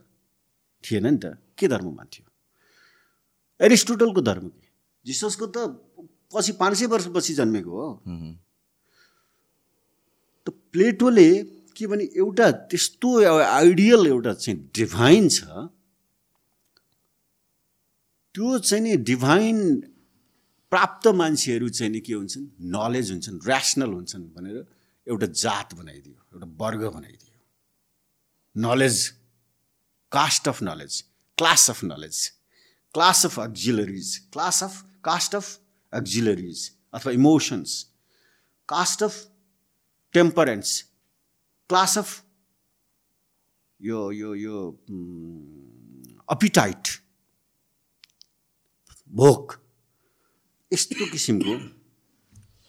प्लेटोले चाहिँ नि यस्तो वर्गको विभाजन गर्यो यसरी चिजहरू आउँदै आउँदै आउँदै आउँदै गर्दाखेरिमा पछि प्लेटो पछि एरिस्टोटल आयो। एरिस्टोटल पछि आ, चाहिँ नि धेरै फिलोसफर होइन हेगलहरू आए थोमस हब्सहरू आए रेने डेकार्टहरू आए होइन? यिनीहरू आइसकेपछि यिनीहरूले पनि त्यो आइडियलिस्टिक एटिच्युड्सलाई प्लेटोलाई चाहिँ करिब करिब फलो गर्दै गर्दै गर्दै गइरहे पछि जब मलाई जहाँसम्म लाग्छ एटिन एटिनतिर होला चाहिँ नि एटिन ट्वेन्टी एटिन एटिनतिर चाहिँ नि मार्क्सको जन्म भयो जर्मनमा। मार्क्सले त्यसपछि करिब करिब उनी टिचर थिए के थिए उसले दुःख पायो मान्छेले त फिलोसफी त आफ्नो अनुभवबाट निकाल्ने न हो कुनै पनि। त्यसपछि मार्क्सले त्यहाँ क्लास भनेर क्लास निकाले। त्यो कास्ट सिस्टमलाई प्लेटोको कास्ट सिस्टमलाई यस्तो मजाले छोपिदियो कि मार्क्सवादले त्यो कास्ट सिस्टम होइन क्लास सिस्टम। ल हेर्नुहोस् है। कास्ट सिस्टम होइन क्लास सिस्टम हो भनेर मार्क्सले चाहिँ दुईवटा मात्रै क्लास छ। हुन त उनले तिनवटा क्लास भनेका छन्। कति ठाउँमा चाहिँ तिनवटा क्लासको कुरा आउँछ। सरस्वती हेर्दाखेरिमा हामीले वर्ल्ड भ्यूबाट हेर्दाखेरिमा सेन्टर कोर कोर पेरिफेरी र सेमी पेरिफेरी भनेर वर्ल्डकोलाई हेर्छौँ नि त centre centre centre. Vinod Chaudhary कोसँग हुन्छ भन्दाखेरिमा एमाजोनसँग जोडिएको हुन्छ। अमेरिकासँग जोडिँदाखेरिमा एमाजोनसँग जोडिएको हुन्छ नेपालको विनोद चौधरी। तर तपाईँ हामी को कोसँग जोडिन्छौँ भन्दाखेरिमा अमेरिकाको पनि एउटा त्यो सेमी पेरिफेरीसँग जोडिरहेको हुन्छौँ। अब हामीभन्दा पनि तल्लो वर्ग कहाँ कोसँग जोडिन्छ? अमेरिकाको पनि पेरिफेरियल वर्गसँग जोडिएको हुन्छ। भन्छ नि त त्यो क्लास त त्यस्तो छ नि त। त क्लासमा उनले पनि के भने एउटा चाहिँ नि प्रोलिटेरिएट छ एउटा श्रमिक छ एउटा मजदुर छ। धेरै मजदुरले थोरै एलिड्स बुर्जुवालाई चाहिँ नि सम्पत्ति जम्मै काम गरिरहेछ सम्पत्ति त्यसले बुझाएछ त्यो कमाइरहेछ मजा मजा गरिरहेछ। त्यो क्लास हो कास्ट होइन भनेर प्लेटोको कास्ट सिस्टमलाई मार्क्सको क्लास सिस्टमले चाहिँ छोप्यो। हेर्नुहोस् है त्यसो भएको हुनाले किन कास्ट सिस्टम इन्टरमिङ्गल हुन सकेन। किन कास्ट सिस्टम संसारभरबाट हट्न सकेन? किन नेपालमा कास्ट सिस्टम हट्न सकेन त? नेपालमा मात्रै होइन हिन्दुस्तानमा किन कास्ट सिस्टम हट्न सकेन? पाकिस्तानमा बङ्गलादेशमा साउथ एसियन कन्टिनेन्टमा अथवा अमेरिकामा रेसेसहरू त छ नि त। साउथ अफ्रिकामा अस्ति भर्खर नाइन्टिन नाइन्टीसम्म त रेसको चाहिँ ठुलो प्रब्लम थियो। टोइलेट समेत फरक हुन्थ्यो खाने ठाउँ फरक हुन्थ्यो साउथ अफ्रिकामा। नेल्सन मण्डेलाले लिडरसिप नलिँदासम्म अझै पनि अफ्रिकन मुलुकहरूमा करिब करिब चार अर्ब मानिसहरूमा त्यो अझै पनि स्टिल छ। त्यो कास्ट सिस्टम। त्यो किन त? भन्दाखेरिमा त्यो कास्ट सिस्टमलाई चाहिँ मार्क्सको क्लास सिस्टमले चाहिँ छोपिदियो। अनि क्लासमा आयो धनी र गरिबको बिचमा आयो। तर फेरि क्लास पनि कास्टकै आउटकम त हो नि होइन र? जसरी वर्क कास्टको हिसाबले यो सर्टन काम यो कास्टले गर्छ सर्टन काम यो कास्टले गर्छ भने डिभाइड गरियो त्यसले नै क्लासमा कन्भर्ट भएको हो र अब म बताउँछु खास क्लासले कास्ट निस्केको हो। यहाँ बडा गजबको छ क्या क्लासले कास्टको जन्म गर्छ। क्लासले कास्ट भन्ने चिजलाई चाहिँ नि कास्टले छुट्यायो के? प्लेटोले पनि क्लास नै निर्माण गरेका हुन्। त्यसलाई त्यसलाई चाहिँ कास्टको रूपमा आयो। कसरी भन्दाखेरिमा क्लास कसरी निर्माण गर्यो भन्दाखेरिमा एक्जिलरिज भनेको चाहिँ नि त्यो इमोसन्सहरू ग्रुप भनेको चाहिँ त्यो क्लास थियो। तर त्यसलाई चाहिँ नि के गरियो? क्षेत्रीयहरू हामीले अहिले क्षेत्रीय भने गऱ्यौँ नि त्यो कास्टमा गयो। खास त्यो के थियो त भन्दा त्यो ग्रुप थियो। जसले बन्दुक चलाउँछ जसले शासन गर्छ जसले सुरक्षा दिन्छ त्यो त्यसरी आएको थियो।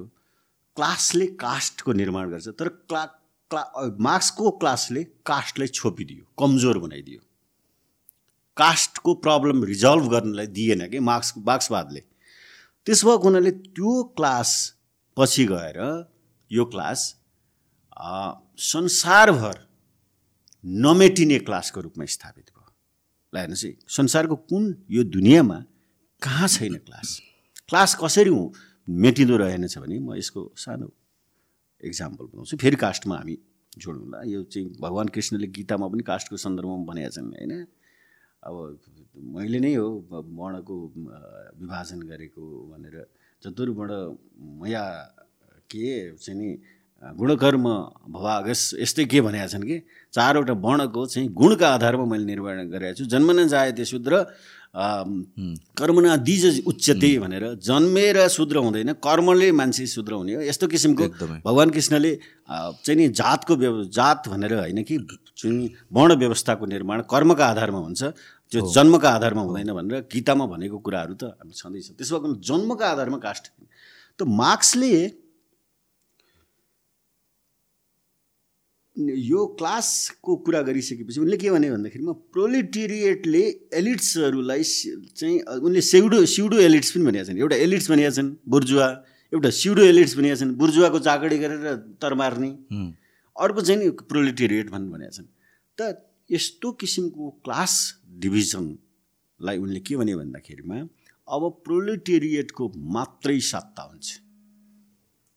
प्रोलिटेरिएटको मात्रै सत्ता त्यो यिनीहरूलाई जुन एलिट्स छन् अथवा सिउडो एलिट्स छन् जुन बुर्जुवा छन् जो थोरै छन् तर धेरै सम्पत्ति ओगटेर बसेका छन् तिनीहरूलाई समाप्त पर्छ र प्रोलिटेरियटको शासन हुन्छ। त्यो मार्क्सवाद उनले त्यसलाई नै मार्क्सवाद भनियो। यो संसारमा वर्गको अन्त्य हुन्छ त? के यो पोसिबल छ? वर्गको क्लासको अन्त्य हुन्छ त? भन्दाखेरिमा यो नेचरसँग जोडिन्छ। मैले यो त्यस भएको हुनाले यो नेचरले वर्गको विभाजन गरेको छ है। जस्तै नेचरले डिफ्रेन्सेस तपाईँ र म सुशान्त प्रधान र शालिक सुवेदी सुशान्त प्रधान छ फिट म पाँच फिट। सुशान्त प्रधान बलियो म अपाङ्ग। सब के भन्छ फरक क्षमता भएको अपाङ्ग भन्नु नमिल्ला। सबलाङ्ग छैन। त कुनै एउटा फल टिप्न पऱ्यो भने त छ फिटले टिपेर खान्छ नि त। पाँच फिटले त पाउँदैन। उसले सकेपछि ऊ अगाइसकेपछि उसलाई पुगेपछि मात्रै नै दिन्छ। त नेचरले डिफरेन्सेस दियो। तपाईँलाई अग्लो बनायो मलाई होचो बनायो। तपाईँलाई सबलाङ्ग बनायो मलाई विकलाङ्ग बनायो। तपाईँलाई पुरुष बनायो मलाई महिला बनायो। तपाईँलाई निरोगी बनायो मलाई रोगी बनायो। रोगी जन्म दियो। तपाईँले आँखा देख्ने बनायो मलाई आँखा नदेख्ने बनायो। प्रकृतिले डिफरेन्सेस दियो। त्यो डिफरेन्सेसले इनिक्वालिटी ल्यायो। रिसोर्सेस त त्यही हो नि त। रिसोर्सेस त फरक छैन। त्यसले इनिक्वालिटी ल्यायो। त्यो इनिक्वालिटीले एक्सप्लोइटेसन गर्यो। इनिक्वालिटी भएपछि त एक्सप्लोइटेसन हुन्छ नि त। सोसाइटीमा त जो बोलियो छ त्यसको चाकडी गर- तपाईँको चाकडी गर्न जान्छ अरू खानलाई। एक्सप्लोइटेसन जो कमजोर छ त्यसलाई त लगाड्छ आखिर युद्ध द्वन्द्व सारा चिज यही नेचरको रिसोर्सेससँग छ। यही ह्युमन कन्स्ट्रक्टको रिसोर्सेससँग छ र प्रकृतिले डिफरेन्सेस दियो डिफरेन्सेसले इनिक्वालिटी ल्यायो इनिक्वालिटीले एक्सप्लोइटेसन ल्यायो। एक्सप्लोइटेसनको कारणले यो सोसाइटीमा डिस्क्रिमिनेसन भयो। Discrimination is because of the access to the resources रिसोर्सेसको एक्सेसको कारण त क्लास कसरी मिटिगेट गर्न सकिन्छ भन्ने चाहिँ हो। तर क्लासको अन्त्य गर्न कठिन छ। यो क्लासलाई त्यसो भएको हुनाले के गरिन् त? भन्दाखेरिमा यो क्लासलाई मिटिगेट गर्नको लागि एउटा नयाँ राजमार्ग नयाँ हाइवेको निर्माण गर्नुपर्छ। त्यो हाइवे हो आरक्षण। के यत्तिकै छोडिदिनु त? छोडेर त समाज त बन्दैन। विकास त हुँदैन। त समाज टोटल टोटल होललाई विकास गर्नको लागि चाहिँ यो डिफरेन्सेस यो इनिक्वालिटी यो एक्सप्लोइटेसन यो डिस्क्रिमिनेसनलाई मिटिगेट गर्नको लागि एउटा राजमार्ग चाहियो है। छुट्टै राजमार्ग। त्यही एउटै राजमार्गमा यो सबै मान्छेहरू हिँड्न सक्दैन। इनिक्वालिटी हिँड्न सक्दैन डिस्क्रिमिनेसन हिँड्न सक्दैन। त्यसलाई मिटिगेट गर्नलाई एउटा छुट्टै राजमार्ग छुट्टै हाइवे बनाउनुपर्छ। त्यो हाइवे हो इन्क्लुजन त्यो हाइवे हो आरक्षण. त्यो हाइवेबाट मान्छे एउटा स्टेजसम्म तिस वर्ष पचास वर्ष कति वर्षसम्म त्यो दिनुपर्ने? जहिलेसम्म सबै मान्छे इक्वल्ली रिसोर्सेससँग एक्सेसमा पुग्दैनन् तहिलेसम्म नयाँ राजमार्गको निर्माण गर्नुपर्छ। त्यो नै डेभलपमेन्ट हो। त्यसो भएको हुनाले त्यो डेभलपमेन्ट त्यो क्लास हट्ने बित्तिकै कास्ट सिस्टम सबै हट्छ। बुझ्नु भएन कास्ट सिस्टम सबै हट्छ त्यसो भएको हुनाले मैले भन्न खोजेको के हो भन्दाखेरिमा प्लेटोको डिभिजन अफ लेबरलाई मार्क्सको डिभिजन अफ लेबरले छोपिदियो र मार्क्सको डिभिजन अफ लेबर त्यो भनेको डिभिजन अफ क्लास क्लास डिभिजनले प्लेटोको डिभिजनलाई जुन क्लास थियो त्यो कास्टको रूपमा रूपान्तरण भयो त्यसलाई चाहिँ छोपिदिएर समाजमा अहिलेसम्म यो दुनियाँमा यो चाहिँ नि कास्ट सिस्टम बचिरहेछ। त्यो चाहिँ नि यसमा मलाई जहाँसम्म लाग्छ मेरो अबुझ मेरो अल्पज्ञानले भनेको होला त मार्क्सवाद यदि हुन्थेन भने आउँदैन थियो भने यो कास्ट सिस्टमको प्रब्लम चाहिँ छिटो सकिन्थ्यो मेरो बुझाइ हो। तर उहाँले प्रपोज गरेकै खासमा छ भने भनेको त्यो यो इनिक्वालिटीलाई नै हटाउने सल्युसन दिन खोज्नु भएको खासमा चाहिँ। उहाँले। इनिक्वालिटी दिन हटाउन चाहिँ खोज्नुभयो तर कसरी भन्ने चाहिँ उहाँले कसरी भन्दाखेरिमा प्रोलिटेरिएटको शासन चाहिन्छ। भन्नुभयो। त प्रोलिटेरिएटको शासन अब ठिक छ एलिट्सहरू गयो बुर्जुवाहरू गयो समाप्त भयो। सबै मरे मारियो। बुर्जुवाहरूको सब सम्पूर्ण सम्पत्तिहरू राज्यले लियो। त्यो राज्यमा शासन कसले गर्छ? एक्ज्याक्टली प्रब्लम त्यही छ इट्स अ गोइङ राउन्ड सर्कलमा प्रब्लम जस्तो लाग्छ फेरि। राज्य प्रोलिटेरिएटको एउटा मान्छे बन्छ जब तपाईँले। जर्ज ओरियलको एनिमल फर्म हेर्नुभयो नि पढ्नुभयो नि एनिमल फार्म त्यहाँ नेपोलियन छ। त्यहाँ चाहिँ नि ओल्ड पिग छ मेजर भन्ने। ओल्ड पिगले भन्छ त्यो ए, कति त्यो चाहिँ नि जोनको चाहिँ नि दास भएर बस्छौ तिमीहरू विद्रोह गर तिमीहरू आफ्नो शासन गर। नेपोलियन शासन गर्छ। अर्को एकजना छ स्नोबल भन्ने। होइन? स्नोबल भन्ने छ। स्नोबलले हामी सबैलाई इक्वालिटी दिनुपर्छ। Animals all animals are equal भन्यो पहिला। पछि के भन्यो? But some animals are more equal भन्यो।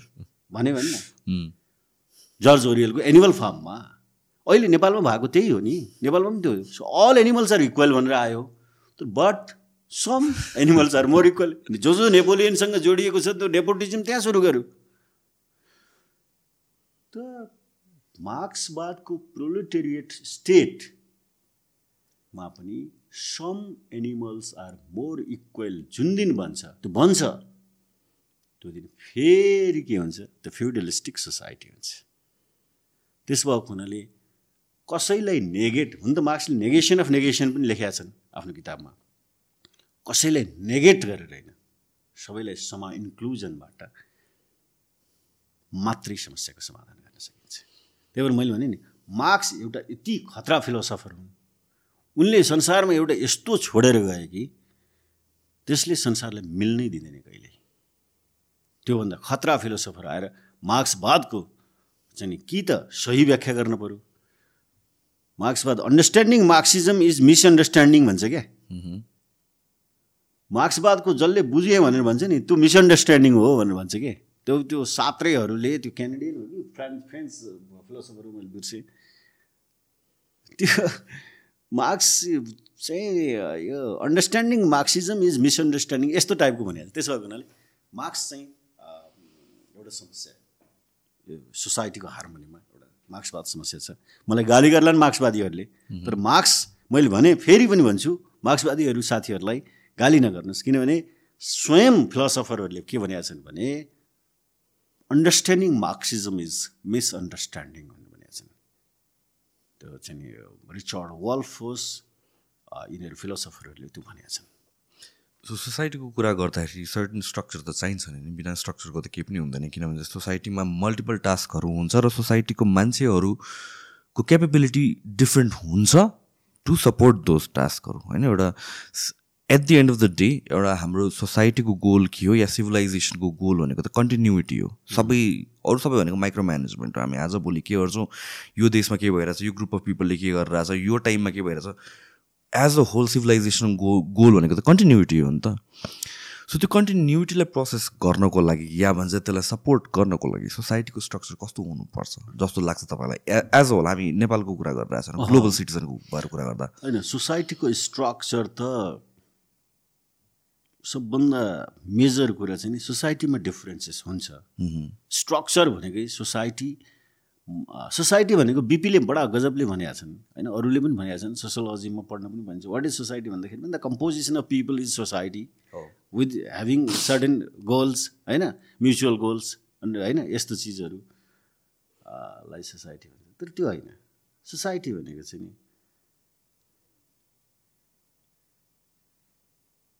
लाई स्पिरिटसँग जोडिएको छ कि? बिपीले के भन्नुभएको छ नि मान्छेहरूको समूह समाज होइन मान्छेहरूको स्पिरिटहरूको एक्युमुलेसन समाज हो भनेर बिपीले भन्नुभएको छ। त्यसमा हुनाले तपाईँ र म समाज होइनौँ तपाईँको र मेरो स्पिरिटहरूको त्यो चाहिँ नि मिलनबिन्दु चाहिँ त्यो समाज हो। स्पिरिट मिलेर भनेको के हो भन्दाखेरि त्यो हार्मोनी चाहिँ समाज हो। यदि हार्मोनी छैन भने त्यो समाज बन्दैन।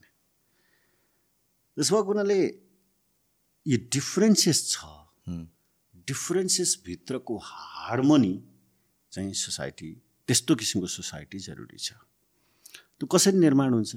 अब चाहियो नि त। सोसाइटी त कस्तो हुनुपर्छ? हार्मोनी भएको सोसाइटी हुनु पऱ्यो सोसाइटी भनेको एब्सट्र्याक्ट हो कि सर? बडा गजबको। राज्य के हो भन्दाखेरिमा त्यो एब्सट्र्याक्ट हो। र गभर्मेन्ट के हो भन्दाखेरिमा त्यो कङ्क्रिट हो। Government is the concrete part of abstract state त्यसै गरी society is abstract and the community is concrete community चाहिँ कङ्क्रिट हो. त्यसो भएको कम्युनिटीलाई सोसाइटीसँग जोड्छ.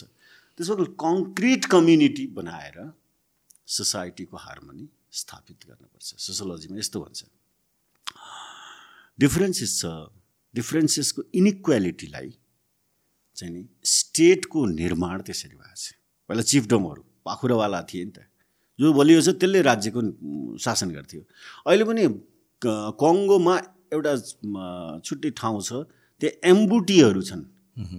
एउटा त्यो त्यो त्यो चाहिँ नि त्यसलाई के भन्छ चाहिँ नि त्यो एबोरिजिनल्सहरू क्या। त्यो एम्बुटीहरू छन्। एम्बुटीहरूमा चाहिँ नि त्यो कङ्गो रा प्रधानमन्त्रीको राष्ट्रपतिको त्यहाँ कसले शासन गरिरहेको छ थाहा थाहा छैन। हाम्रो राउटे जस्तो क्या त्यो उनीहरूले नै उनीहरूले नै आफ्नो एउटा समाजमा राजा निर्माण गरेका छन् त्यसले शासन गर्छ। अहिले पनि त्यो चाहिँ साउथ अफ्रिकामा अके अफ्रिकन कन्टिनेन्टमा त्यो छ। त्यो सोसाइटीमा त्यो हार्मोनी क्रिएट गर्नको लागि स्टेटको निर्माण भयो। त्यो स्टेटले ल मार्फत इन्फोर्समेन्ट मार्फत इन्टाइटलमेन्ट मार्फत चाहिने यो इनिक्वालिटीलाई मिटिगेट गर्नको निम्ति काम गर्नुपर्छ। त्यो भयो भने चाहिँ नि सोसाइटीमा हार्मोनी आउँछ नत्र भने त सम्भव छैन। अहिले हेर्नुहोस् न युक्रेन रसियाको युद्ध भइरहेछ किन भइरहेछ? त्यो एगोनी आएर तँभन्दा म ठुलो किन नहुने अथवा रिसोर्सेसको कारणले। प्यालेस्टाइन र इजरायलको बिचमा लडाइँ हमास र इजरायलको बिचमा लडाइँ भइरहेछ। पाकिस्तान र इन्डियाको बिचमा अझै राम्रो सम्बन्ध छैन। त यो चिजहरू चाहिँ नि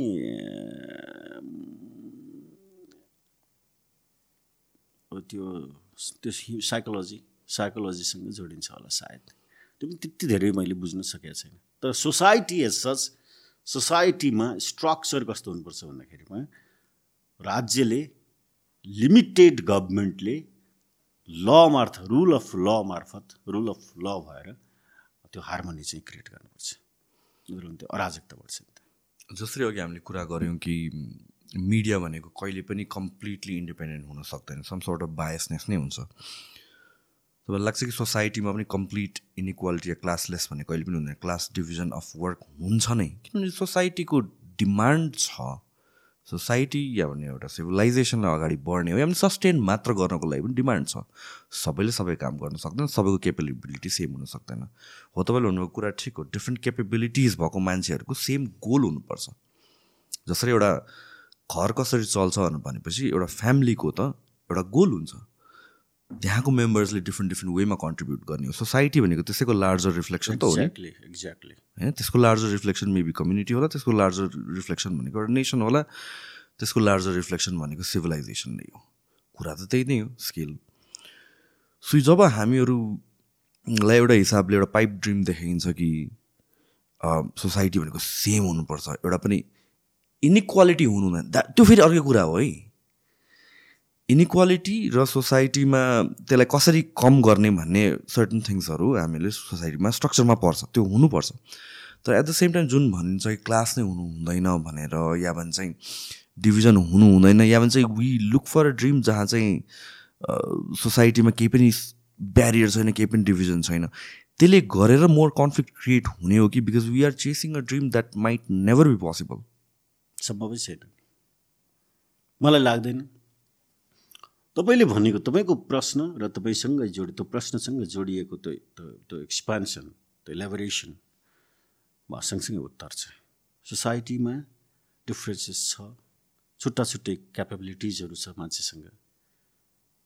त्यो क्यापेबिलिटिजहरूलाई चाहिँ नि सम्मान गर्दै त्यो क्यापेबिलिटिजलाई सम्मान गर्दै सोसाइटीको क्लास डिफ्रेन्सेसलाई क्लास हार्मोनीमा रूपान्तरण गर्नुपर्छ।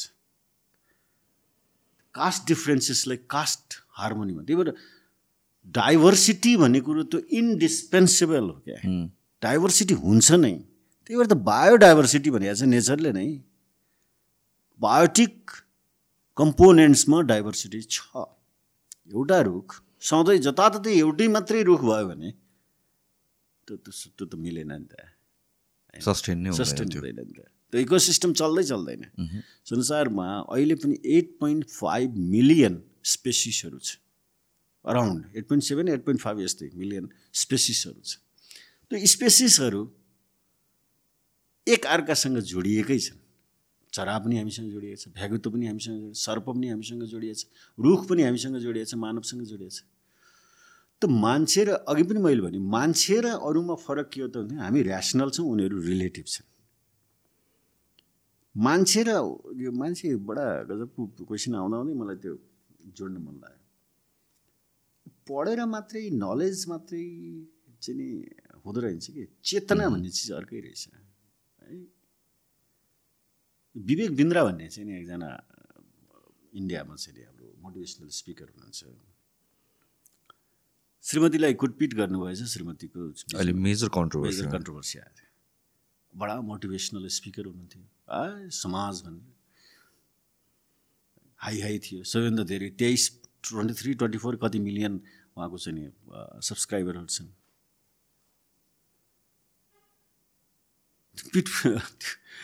त्यो पढेर मात्रै हुँदो रहेछ। नलेजले मात्रै हुँदो रहेछ। चेतना भन्ने चिज फरक हो। सबै पढेका मान्छे सबै विद्वानहरू चैतन्य हुँदैनन् र सबै केही पनि नपढेको मान्छे अचैतन्य पनि हुँदैन। चेतना मान्छेको सबैभन्दा ठुलो गुण हो। पढाइ मात्रै होइन। समाज बुझ्ने चेतनाले हो। किताबले मात्रै अक्षरले मात्रै होइन। अक्षरले त बाटो त्यो उसले भनेको छ नि त सक्रेट्सले के भन्यो भन्दाखेरिमा I can not teach anybody anything I can not teach सक्रेट्सले सक्रेट्सलाई बुद्धसँग तुलना गरिन्छ। सक्रेट्सलाई कृष्णसँग तुलना गरिन्छ। यो दुनियाँमा तिनजना मान्छेले लेखेनन् बोले मात्रै। एउटा भगवान् कृष्ण एउटा गौतम बुद्ध एउटा सक्रेट्सले बोले मात्रै लेखेनन् शब्द एक अक्षर। ओसोले पनि लेखेनन् भन्ने छ होइन? तुलना गर्दाखेरिमा त्यो एउटै बुद्धको र सक्रेट्सको एकै समय छ। पश्चिममा सक्रेट्स पूर्वमा बुद्ध। यस्तो छ क्या? सक्रेट्सले के भन्यो भने I can not teach anybody anything but I can make them think भने। हेर्नुहोस् है त्यो भनेको के हो भन्दाखेरिमा मैले कसैलाई पढाउन सक्दिनँ मैले कसैलाई बुझाउन सक्दिनँ तर तिनीहरूलाई सोच्न चाहिँ सक्छ त्यो सोच्न सक्ने बनाउनु भनेको के हो? त्यो चेतना हो। पढेको त चेतना इज इम्पोर्टेन्ट समाजलाई पनि चेतना जरुरी छ। त चेतना भयो भने चेतनाको बाटो मार्ग के हो त भन्दाखेरिमा पढाइ हो अक्षर हो। अक्षरले चेतनासँग जोड्ने काम गर्छ। तर अक्षर आफैमा चेतना होइन। विजडम डजन्ट मिन कन्सियसनेस त के हो? Highway of highway to reach consciousness हुनसक्छ अक्षर आफैमा चेतना होइन बुद्धि होइन। अक्षर चेतनासँग जोड्ने एउटा मार्ग मात्रै हो।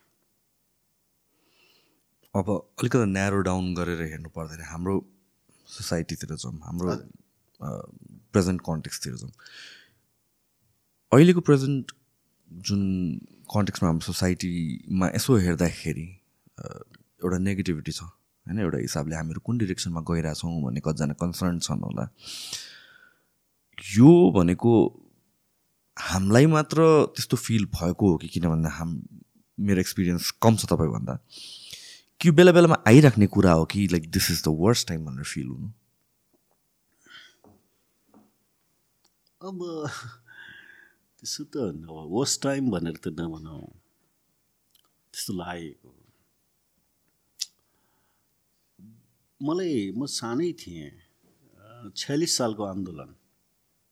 गर्दा मेरो पिताजी जेलमा हुनुहुन्थ्यो। आन्दोलन भइरहेछ मेरो पिताजी जेलमा हुनुहुन्थ्यो। हामी चाहिँ दुःखी थियौँ म सानै थिएँ। बुझ्ने त भइसकेका थिएँ होइन? त्यति बेला के लाग्थ्यो भन्दाखेरि त्यति बेलाका नेताहरूसँग त्यहाँ सरस्वती लोकल नेताहरूसँग कुरा गर्दाखेरि म यो संसार यो नेपालको सबैभन्दा वर्स्ट टाइम हो भन्नु भन्थेँ त्यति बेला। अब माओवादीको युद्ध भइसकेपछि करिब करिब चाहिँ अन्ठाउन्न उन्साठी सालतिर हामी एकचोटि हेरौँ। तपाईँलाई कति सम्झना छ? तपाईँलाई त्यति सम्झना छैन होला पक्कै पनि किनभने तपाईँ सानै हुनुहुन्थ्यो। साँझ छ बजेपछि मान्छेहरू बाहिर निस्किन डराउँथे। मलाई एकदमै सम्झना छ यो बेलाको। छ? एकदमै। सम्झना छ। भनेपछि तपाईँलाई त्यति बेला हेर्नुहोस्। कति फियर थियो। बाँचिन्छ कि बाँचिन्छ? आज बाँच्यो भने भोलि के गरिन्छ? मेरो बा आमाले मलाई म काठमाडौँमा पढ्थेँ। वालिङबाट नाइट बसमा चढेर काठमाडौँ आउन आउँदा बिचमा छोरा जीवितै काठमाडौँ पुग्छ कि पुग्दैन भने सधैँभरि रोएर बिदा गर्थे। नजा भनौँ उसको पढाइ भविष्यको कुरा छ। जा भनौँ कुन बेला बाँच्ने हो कि मर्ने हो कहाँ बम पड्किने हो? थ्रेट माओवादीको मात्रै थिएन। त्यति बेलाको राज्य पक्षको पनि थियो। होइन मान्छे जुत्ता अब गरिबले छैन गोल्ड स्टारको जुत्ता लगायो भने गोल्ड स्टार लाउने जतिलाई सबैलाई समाउँथ्यो त्यस्तो स्थिति थियो नि त।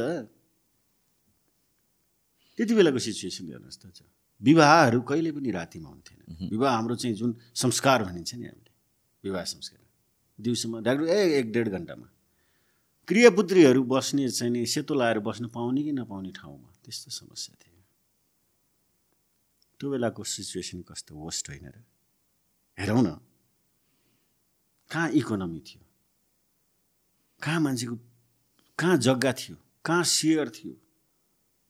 अझ सिर्फ बाँच्न मात्रै खाना र बाँच्न मात्रै पायो हुन्थ्यो भने थियो। त्यो सिचुएसन हाम्रो थियो नि त त्यति बेला। सन्ताउन्न अन्ठाउन्न उन्साठी साठी सालसम्म हेर्नुहोस् त कस्तो थियो। जताततै बम पड्किन्छ कि भन्ने डर थियो। समाचारहरू सुन्दाखेरिमा यतिजना माओवादी मऱ्यो यतिजना पुलिसहरू मऱ्यो भन्ने सुन्थ्यो। यतिजना घाइते भयो त्यहाँ सर्वसाधारण मरिरहेका हुन्थे। प्रत्येक आमा बाउलाई छोराछोरीको पीर थियो। प्रत्येक छोराछोरीलाई आमा बाउको पीर थियो। प्रत्येक दाजुभाइलाई आफ्नै दाजुभाइ दिदीबहिनीको पीर थियो। प्रत्येक दिदीबहिनीलाई अब आउने तिहारमा टिका लाउन पाइन्छ कि पाइन्न भन्ने थियो। प्रत्येकलाई एकजनालाई मात्रै होइन। त्यो वर्स्ट होइन। अहिले लाग्यो त्यसो भूकम्प बिर्स्यौँ के सुशान्तजी हामीले? भूकम्पको बेलामा बहत्तर वैशाख बाह्र पछि जेठ असार साउन भदौ असौज दसैँसम्म अब कहिले पनि तिन तले घर बनाउनु एक तले बनाउँछु भन्ने थियो नि त हाम्रो दिमागमा। बिर्स्यौँ भूकम्प जसरी अहिले भक्का भक ठडाइरहेछौँ घरहरू। त्यसै गरी विगतका वर्स्ट सिचुएसनहरू बिर्सेर अहिलेको सिचुएसनलाई हामीले वर्स्ट देखेका हौँ। यस्तो वर्स्ट सिचुएसन नेपालमा पटक पटक आइरहेछ। त्यसो भए यसलाई मैले वर्स्ट भनिहाल्न पर्ने स्थिति छैन। देख्दिनँ। यो के हो भन्दाखेरिमा सुधारको लागि तयार भएको। अब नेपाल सु अब नेपाल सुध्रिँदैछ। अब नेपाल खतरा बन्दैछ। मेरो त्यो त अप्टिमिस्टिक हो नि त म त। म त पोजिटिभ के सकियो भनेको के हो? हुँदैछ भन्ने कारण हुनसक्छ। त्यो कारणले हुनसक्छ। आई थिङ्क अर्को भनेको एक्सेसिबिलिटी अफ मिडिया पनि हो। इमेजिन अहिले जस्तैको एक्सेसिबिलिटी माओवादी द्वन्द्वको बेलामा भइदिएको भए मिडियाको एक्सेसिबिलिटी धेरै कुराहरू आउँथ्यो होला धेरै कुराहरू इजिली हामीहरू एक्सेस गर्थ्यौँ होला। किनभने त्यतिखेर त न्युजमा मात्र डिपेन्डेन्ट थियौँ नि त हामी। त्यो के भइरहेको छ भनेर हामीलाई थाहा नै थिएन कि। त्यो पनि हो। मिडिया धेरै भएको हुनाले अहिले चाहिँ नि मिडिया धेरै भएको हुनाले धेरै सुनिन्छ। र मिडियाको इन्टेन्ट पनि फेरि त्यस्तै छ कि? फियर मङ्गरिङ होइन र? फियर सेल्स नि हो। फियर फियर मान्छे मिडियाले त सेल गरिरहेछ नि त। कमोडिटी सेल मिडियाले त मान्छे कन्टेन्टलाई सेल गरेको छ। अहिलेको मिडियाले रेस्पोन्सिबल मिडियाको कुरा गऱ्यौँ नि हामीले। अहिलेको मिडियाले त चाहिँ नि धेरैभन्दा धेरै मिडियाले चाहिँ नि भनेको त्यो भनौँ न सोसियल मिडियाले खास गरेर अथवा अनलाइनहरूलाई सूचना पायौँ तर कस्तो सूचना पायौँ? सेल गर्ने जो बिक बिक्री हुन्छ। आज तपाईँले तपाईँ आफै यति ठुलो चाहिँ नि एउटा चाहिँ नि प्रमिनेन्ट इक्जाम्पल हो कि सुशान्तजी? तपाईँले करिब करिब दुई सयभन्दा बढी एपिसोड्सहरू चलाउनु भयो।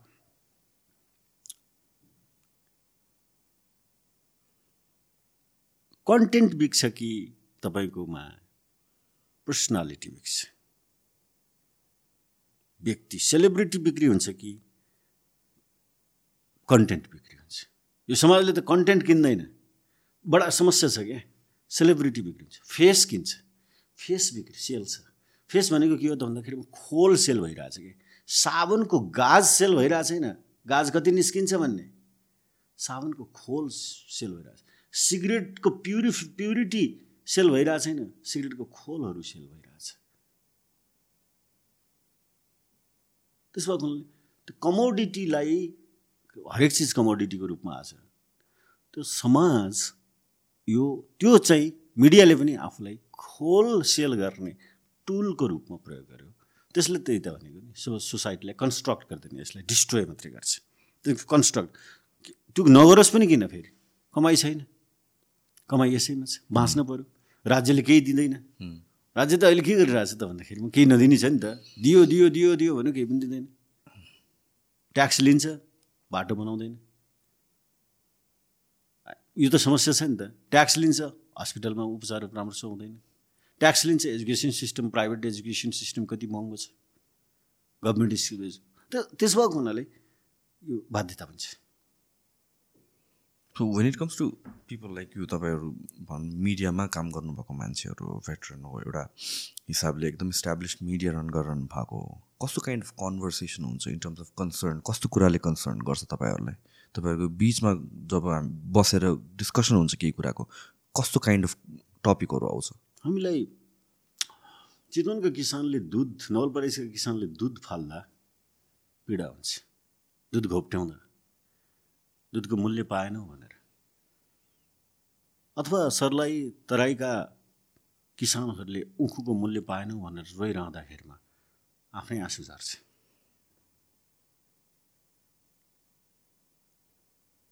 धादिङमा गोलमेडा सडकमा ल्याएर फाल्दाखेरिमा किचाउँदाखेरिमा गाडीले किचाउँदाखेरिमा चसक्क मन दुख्छ। यो समाचारहरू बनाउन पाए हुन्थ्यो। राज्यले देखाउन पाए हुन्थ्यो। राज्यले त्यो देखदिए हुन्थ्यो हेरिदिए हुन्थ्यो बुझिदिए हुन्थ्यो। मान्छेले देखेर मात्रै के गर्ने? तपाईँले कसैको पीडा देख्नु भएर के गर्ने? तपाईँले त्यसलाई त्यो पीडालाई मलम लाउन सक्नु भएन भने। राज्यले देखेर मात्रै भएन। राज्यले देखेर बुझ्नु पनि पऱ्यो यस्ता कुराहरूको कन्भर्सेसन हुन्छ।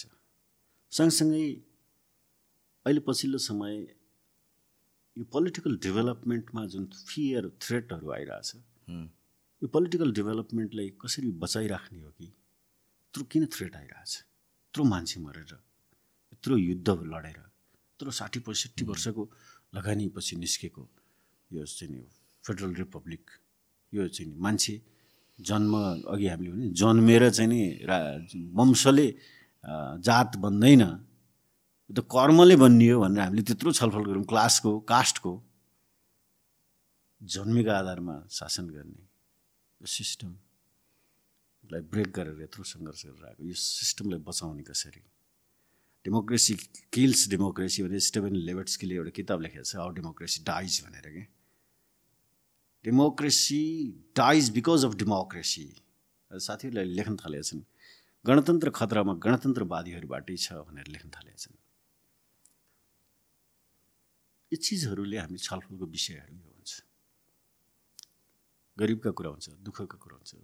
बजेटको बेलामा म आफै साथीहरूसँग छलफल गर्दाखेरिमा त्यो भारी बोक्नेहरू मकै पोलेर जीविकोपार्जन गर्नेहरू यिनीहरूको के छ बजेटप्रति दृष्टि? उनीहरूले बजेट आउँदैछ भनेर सोचेका छन् कि छैन? सोध त सोधौँ हामीले। हामीले गएर कुरा गरौँ भन्छु। कहिले सोध्छौँ ल्याउँछौँ र थाहै हुँदैन। जेठ पन्ध्रमा बजेट आउँदैछ भन्ने कुरो नेपालका कति साथीहरूले थाहा छ कति मानिसहरूले थाहा छ? त्यो जेठ पन्ध्रमा मेरो बजेट आउँदैछ भन्ने यदि नागरिकले फिल गरेको भए त अपनत्व महसुस गरेको भए थाहा हुन्थ्यो नि त। दिज आर द हाम्रो यो छलफल हुन्छ। छलफल हुन्छ। कहिले गर्छौँ कहिले गर्दैनौँ गर्न सकेसम्म गर्छौँ। तर हाम्रो अब टेलिभि टेलिभिजन हेर्ने दर्शकहरू पनि धेरै कम भए त्यसमा फेरि अब चाहिँ नि होइन टु थाउजन्ड थर्टीसम्म त फिफ्टी पर्सेन्ट घट्छ भनेर प्रोजेक्सन नै छ टेलिभिजन हेर्नेहरू मान्छेले अब त्यो टिभीमा बसेर हेर्ने छोडिसक्यो। तैपनि हाम्रो काम गरिरहेछौँ जस्तो कि टिभीकै घट्ने कुरा जुन छ नि यो मलाई इन्ट्रेस्टिङ लाग्छ किनभने चाहिँ when it comes to TV yeah media establish मिडियाकै कुरा गरौँ। नेसनल टिभीको मात्र कुरा होइन। In general establish media resources त उहाँहरू जति त पैसाको पनि हुँदैन। हुँदैन। सो यो र एउटा ल टिभीको भन्नु भन्नु एउटा फिक्स स्केड्युल छ। त्यहाँ बसेर नै हेर्नुपर्ने पहिलाको जमाना जस्तै भयो। त्यसलाई त युट्युबमा पनि लग्नु सक्यो। त्यो कुराहरू VOD छुट्टै छ। हुनसक्छ। त्यो सल्युसन भएन त्यही पनि यो ल्याक अफ फ्रिडमको कारणले हो जस्तो लाग्छ तपाईँलाई जुन हिसाबले एउटा एउटा सर्ट सर्टन बााउन्ड्री त दिएको हुन्छ नि त कि यो क्रस नगर भने इन्भिजिबल लाइन त हुन्छ होला। सर्टन नेरेटिभ त हुन्छ होला कि अहिले अहिले कतिको फ्री छ? एकदम फ्री छ। त्यस्तो कुनै छैन। जस्तै फ्री भनेको के हो भने एकजना कसैले कसैलाई टाउको काटिदियो छर रगत बग्यो। रगत जस्ताको तस्तै हाल्ने कि नहाल्ने? टाउको स्वाट्टै काटे रगत बगेको छटपटिएको खसी काट्दाखेरि पनि खसीलाई हामी देख्छौँ नि। खसी काटेर टाउको निकालिसक्यो त्यही पनि खसीको खुट्टाहरू चलिरहेको हुन्छ नि। त्यो छटपटिएको दृश्य हाल्ने कि नहाल्ने? त्यो दृश्यले टाउको काट्नलाई सिकाइरहेछ कि छैन? अहिले तपाईँलाई म बताउँछु सुशान्तजी म टेन क्लाससम्म स्याङ्जामा बसेर वालिङमा बसेर टेन क्लाससम्म पढ्दाखेरिमा काठमाडौँ नआउँदासम्म मलाई सुसाइड भनेकै थाहा थिएन। सुसाइड भनेको मान्छेले आत्महत्या गर्छ भन्ने नै थाहा थिएन। अहिलेको कति वर्षको बच्चाले आत्महत्या थाहा पाउँछ? किन त भन्दाखेरि बिकज अफ मिडिया। एकदमै। बाबुआमाले पिट्दाखेरिमा रोएर बाबुआमाको काखमा झम हामफालेर जाने बाहेक विकल्प थिएन। अहिले बाबुआमालाई पिट्दाखेरिमा चाइल्ड राइट्स पिट्नु हुँदैन मह्म। म राइट्स ह्युमन राइट्स पढाउने मान्छे युनिभर्सिटीमा ह्युमन राइट्स पढाउँछु। बच्चालाई गाली गर्यो भने ए पढ न छोरी पढ न छोरा राम्रो काम गर न। किन रिसाएर बसेको भन्यो भने यस्तो जवाफ फर्काउँछ। मैले अहिलेसम्म मेरो पिताजीले आफ्नो कुरा राख्न सकेको छैन। अहिले यो उमेरमा भयो। मेरो पिताजी अहिले पनि हुनुहुन्छ आमा पनि हुनुहुन्छ। आमालाई मैले आमा मलाई यो चाहियो भनेर आमा मार्फत साब किन्ने कपी कलम किन्थ्यौँ। बालाई सिधै भन्नै सक्थेन। त यो मर्न पनि सिकायो हेर्नुहोस्। अहिले मार्न पनि सिकायो। मर्न पनि सिकायो मार्न पनि सिकायो जुन कुरा हामीले न मर्न जाने हो न मार्न जाने हो समाज कतातिर जाँदैछ हामी बुझिहाल्छौँ तपाईँ प्रश्न के गर्नुभएको थियो मैले उत्तर कतातिर? न होइन ठिक छ मैले चाहिँ सोधेको चाहिँ के भन्यो भनेपछि फ्रिडम कति छ कि? त्यसो भएको फ्रिडम र के कारणले गरेर चाहिँ जुन डिमाइस हुन्छ भनेर भन्छ टिभीको। के को बेसिसमा हो म भन्छु। इफ इफ युट्युबमा जाने युट्युब मात्र हो जसले गरेर चाहिँ डिमाइस भइरहेको छ भने त्यो सल्युसन एकदम सिम्पल छ नि त। गइ गइ भइहाल्यो नि। गयो भइहाल्यो नि त। तर त्यसले म रोक्छ र सबै। के कारणले चाहिँ तपाईँ भित्र एक्सपिरियन्स भइसकेको हिसाबले किन म अचम्म लाग्छ? किनभने चाहिँ मलाई लाग्ने हो मेबी फ्रिडम छैन होला कि जस्तो लाग्छ। सो फ्रिडम पनि छ भनौँ। टेक्नोलोजी पनि एड्याप्ट गर्न सकिन्छ। युट्युब भनौँ डिस्ट्रिब्युसन प्लेटफर्म अरू ठाउँमा पनि जान सकिन्छ। टिभीमा मात्र अड्किनु परेन हामी। रिसोर्सेस पनि थुप्रै छ रिसर्च पनि थुप्रै छ एक्सपर्टिज पनि त्यो त स्ट्रक्चरले नै दिएको छ। सो मिसिङ लिङ्क चाहिँ के हो? एकदम राम्रो क्वेसन सोध्नुभयो। त्यति त्यसको एन्सर त मैले अप्टिमम दिन सकौँला नसिकौँला होइन त्यो? पहिला चाहिँ नि टेलिभिजन हेर्ने दर्शक घट्नुमा टेलिभिजनले दिने कन्टेन्ट तपाईँले भनेको voice video on demand VOD त छ नि त युट्युबबाट तपाईँ मजाले। लान सक्नुहुन्छ। सबै टेलिभिजनको कन्टेन्टहरू युट्युबमा जान सकिन्छ। तर युट्युब हेर्ने दर्शकले टेलिभिजनको कन्टेन्ट हेर्छ कि हेर्दैन? युट्युबकै कन्टेन्ट हेर्छ कि? तपाईँले टेलिभिजनमा त एभ्री टाइम त्यो कुनै पहिला पहिला जस्तो आठ बजेको समाचार हेर्न पर्ने यस्तो छैन नि त चुप प्रत्येक एपिसोडमा प्रत्येक घन्टा घन्टामा समाचार आइरहेछ। इन्फर्मेसनहरू आइरहेछ ठुला ठुला मेगा सोहरू आइरहेछन्। त मेगा सोहरू टेलिभिजनमा हेरेका छन् कि छैनन्? जस्तै अहिले नेपाल आइडल अथवा अहिले चलिरहेको भोइस द भोइस भन्ने प्रोग्राम टेलिभिजनमा हेर्छ कि युट्युबमा हेर्छ भन्दाखेरिमा टेलिभिजनमा हेरिरहेको छैन तर युट्युबमा चाहिँ हेरिरहेछ। त टेलिभिजनमा हेरिरहेको छैन युट्युबमा हेरिरहेछ भनेको के हो भने टेलिभिजन कमजोर भइरहेछ। Television as such media television medium चाहिँ कमजोर भइरहेछ। टेलिभिजनको कन्टेन्ट युट्युब मिडियममा हेरिरहेछ। भन्नुहोस् है। टेलिभिजनमा हेरिरहेको छैन टेलिभिजन भनेको चाहिँ अब त्यो त्यसको व्याख्यातिर नलगाउँ नजाउँ टेलिभिजन त्यो त्यो त्यो कन्भेन्सनल टेलिभिजन सेटमा बसेर हेरिरहेको छैन। त केमा हेरिरहेछ युट्युब मिडियामा हेरिरहेछ युट्युबमा के हेरिरहेछ त भन्दाखेरिमा द भोइस भन्ने हेरिरहेछ तर द भोइस टेलि जुन टेलिभिजनमा लोगोमा प्रसारण भइरहेछ त्यहाँ चाहिँ हेरिरहेको छैन। भनेको के भने त्यो टेलिभिजनको अरू कन्टेन्टहरू सँगसँगै हेरेको छैन। त्यो मात्रै हेरिरहेछ त इन टोटल के भयो त भन्दाखेरिमा? पब्लिकले मन पराउने चिजहरू चाहिँ नि कार्यक्रमहरू गर्न थाल्यो भने चाहिँ तिम्रो टेलिभिजन पनि हेर्दो रहेछ युट्युब मार्फत। तर सबै चिज त्यो गर्न सक्दैन टेलिभिजनले होइन? नगर्न हामीले भनौँ न त्यो रेस्पोन्सिबिलिटीको कारणले अथवा कन्टेन्ट प्रोडक्सनको कारणले गर्दाखेरिमा रिसोर्सेसको कारणले गर्दाखेरिमा त्यो सक्दैन। तपाईँले दिनदिनै पडकास्ट चलाउनु पनि गाह्रो हुन्छ नि त होइन? त्यो सक्दैन। त्यसो भएको हुनाले रिसर्चले टु थाउजन्ड थर्टीसम्ममा चाहिँ नि फिफ्टी पर्सेन्ट टेलिभिजन भ्युवर्सहरू भनेको सेटमा बसेर हेर्ने दर्शकहरू कम हुन्छन् भनेको छ। त्यो चाहिँ नि अहिले पनि तपाईँ हामीले नै टेलिभिजन सेटमा बसेर हेर्दैन त्यही युट्युबमा हेर्ने हो होइन? युट्युबमा पनि फेरि त्यो जब भिडियो अन डिमान्ड भएपछि त तपाईँ चोइस भयो क्या। एकदमै। फ्रेगमेन्ट भएर गयो। फ्रेगमेन्ट भएर गयो नि त। अनि त्यसपछि त्यही हेरिरहने त्यो चाहिँ रिटेन्सन अडियन्सको रिटेन्सन हुँदैन। त्यस्तो समस्या हुन्छ। त्यो कारणले गर्दाखेरि भयो अरू कारण एक्सपर्टिज रिसोर्सेस यो सबै कारणले होइन कि त्यो फ्रजाइल छ अडियन्सहरू फ्रेगमेन्टेड छन् अडियन्सहरू त्यसो भएको हुनाले अनि कन्टेन्टहरूमा चोइस धेरै छ। एकदमै। कन्टेन्टमा चोइस धेरै भएपछि टेलिभिजन हेरेर एउटै टेलिभिजन हेरेर बस्ने मानिसहरू त्यही नै हो जस्तो लाग्छ। किनभने चाहिँ न्युजकै कुरा गर्दाखेरि पनि मेजोरिटी अफ न्युज मेरो कहाँबाट आउँछ भनेपछि इन्स्टाग्रामबाट आउँछ होला कि? रुटिन अफ नेपाल बन्धुले हालेपछि आउँछ होला कि? अनि? यस्तै अरू पेजेसहरूले हालेपछि आउँछ होला कि?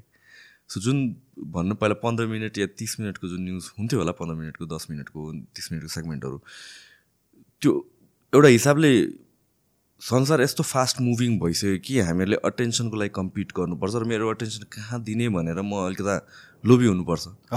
सो त्यो हिसाबले मैले दिन पनि चाहेन पन्ध्र मिनट बिस मिनट इफ म दिनमै भनौँ टोटल फटाफट बेला बेलामा गरेर दिनमा टोटलमा मैले दुई मिनट पाँच मिनटमा सबै न्युज कन्ज्युम गरिसकेँ भनेर भनेपछि।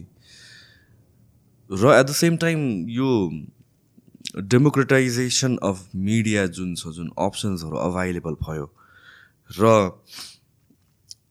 जुन पहिला चाहिँ एउटा यो तरिकाले जाँदाखेरि राम्रो यसरी बोल्दाखेरि राम्रो यसरी प्रेजेन्ट गर्दाखेरि राम्रो यस्तो भिजुअल्स ल्याउँदाखेरि राम्रो भने चाहिँ त सबैलाई लागु हुन्थ्यो नि त। अब त मान्छे अनुसारले छान्न पनि पायो क्या न्युज एक्ज्याक्टली एक्ज्याक्टली सो त्यो झन् फ्रेगमेन्ट हुँदै गयो जस्तो लाग्यो कि। And that made be a major contribution of of course तपाईँले सही बुझ्नुभयो।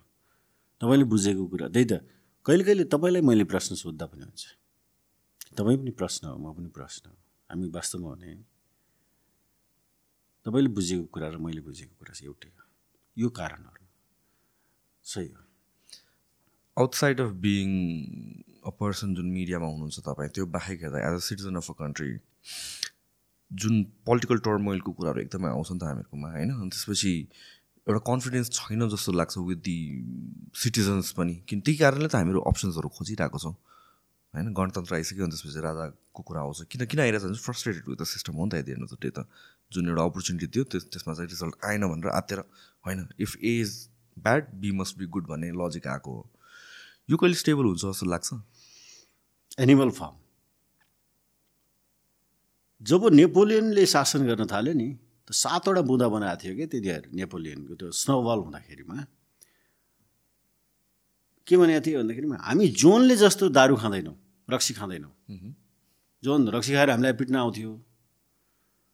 हामी सबैले इक्वल्ली काम गर्छौँ र इक्वल्ली खाना खान्छौँ। हामी कपडाको बेडमा ओछ्यान लगाएर सुत्दैनौँ। एनिमल यस्तो यस्तो पाँच सातवटा नियम बनायो। एनिमल फार्ममा जज ओरेलले किताबमा। जब नेपोलियन स्नोबललाई त्यहाँबाट लखेटेर नेपोलियन त्यहाँको चाहिँ नि राजा भन्यो एनिमलको छुट्टै स्टेट भन्यो। राजा भन्यो त्यसपछि उसले बिस्तारै बिस्तारै सबै कुरा चाहिँ त्यो मिस्टर जोनले भन्दा धेरै गर्न थाल्यो। रक्सी खान थाल्यो आ पार्टी हुन थाल्यो उनीहरूको। उनीहरू त बिस्तारामा अझ जोन सुत्ने भन्दा पनि जोन त तल सुत्थ्यो ऊ त खाटमा एकदम बेडिङ गरेर राम्रोसँग सुत्न थाले उसको बच्चाहरू बोर्डिङ स्कुलमा पढ्न थाले होइन? बोर्डिङ स्कुलमा पढ्न थाले त्यो नेपोलियनका।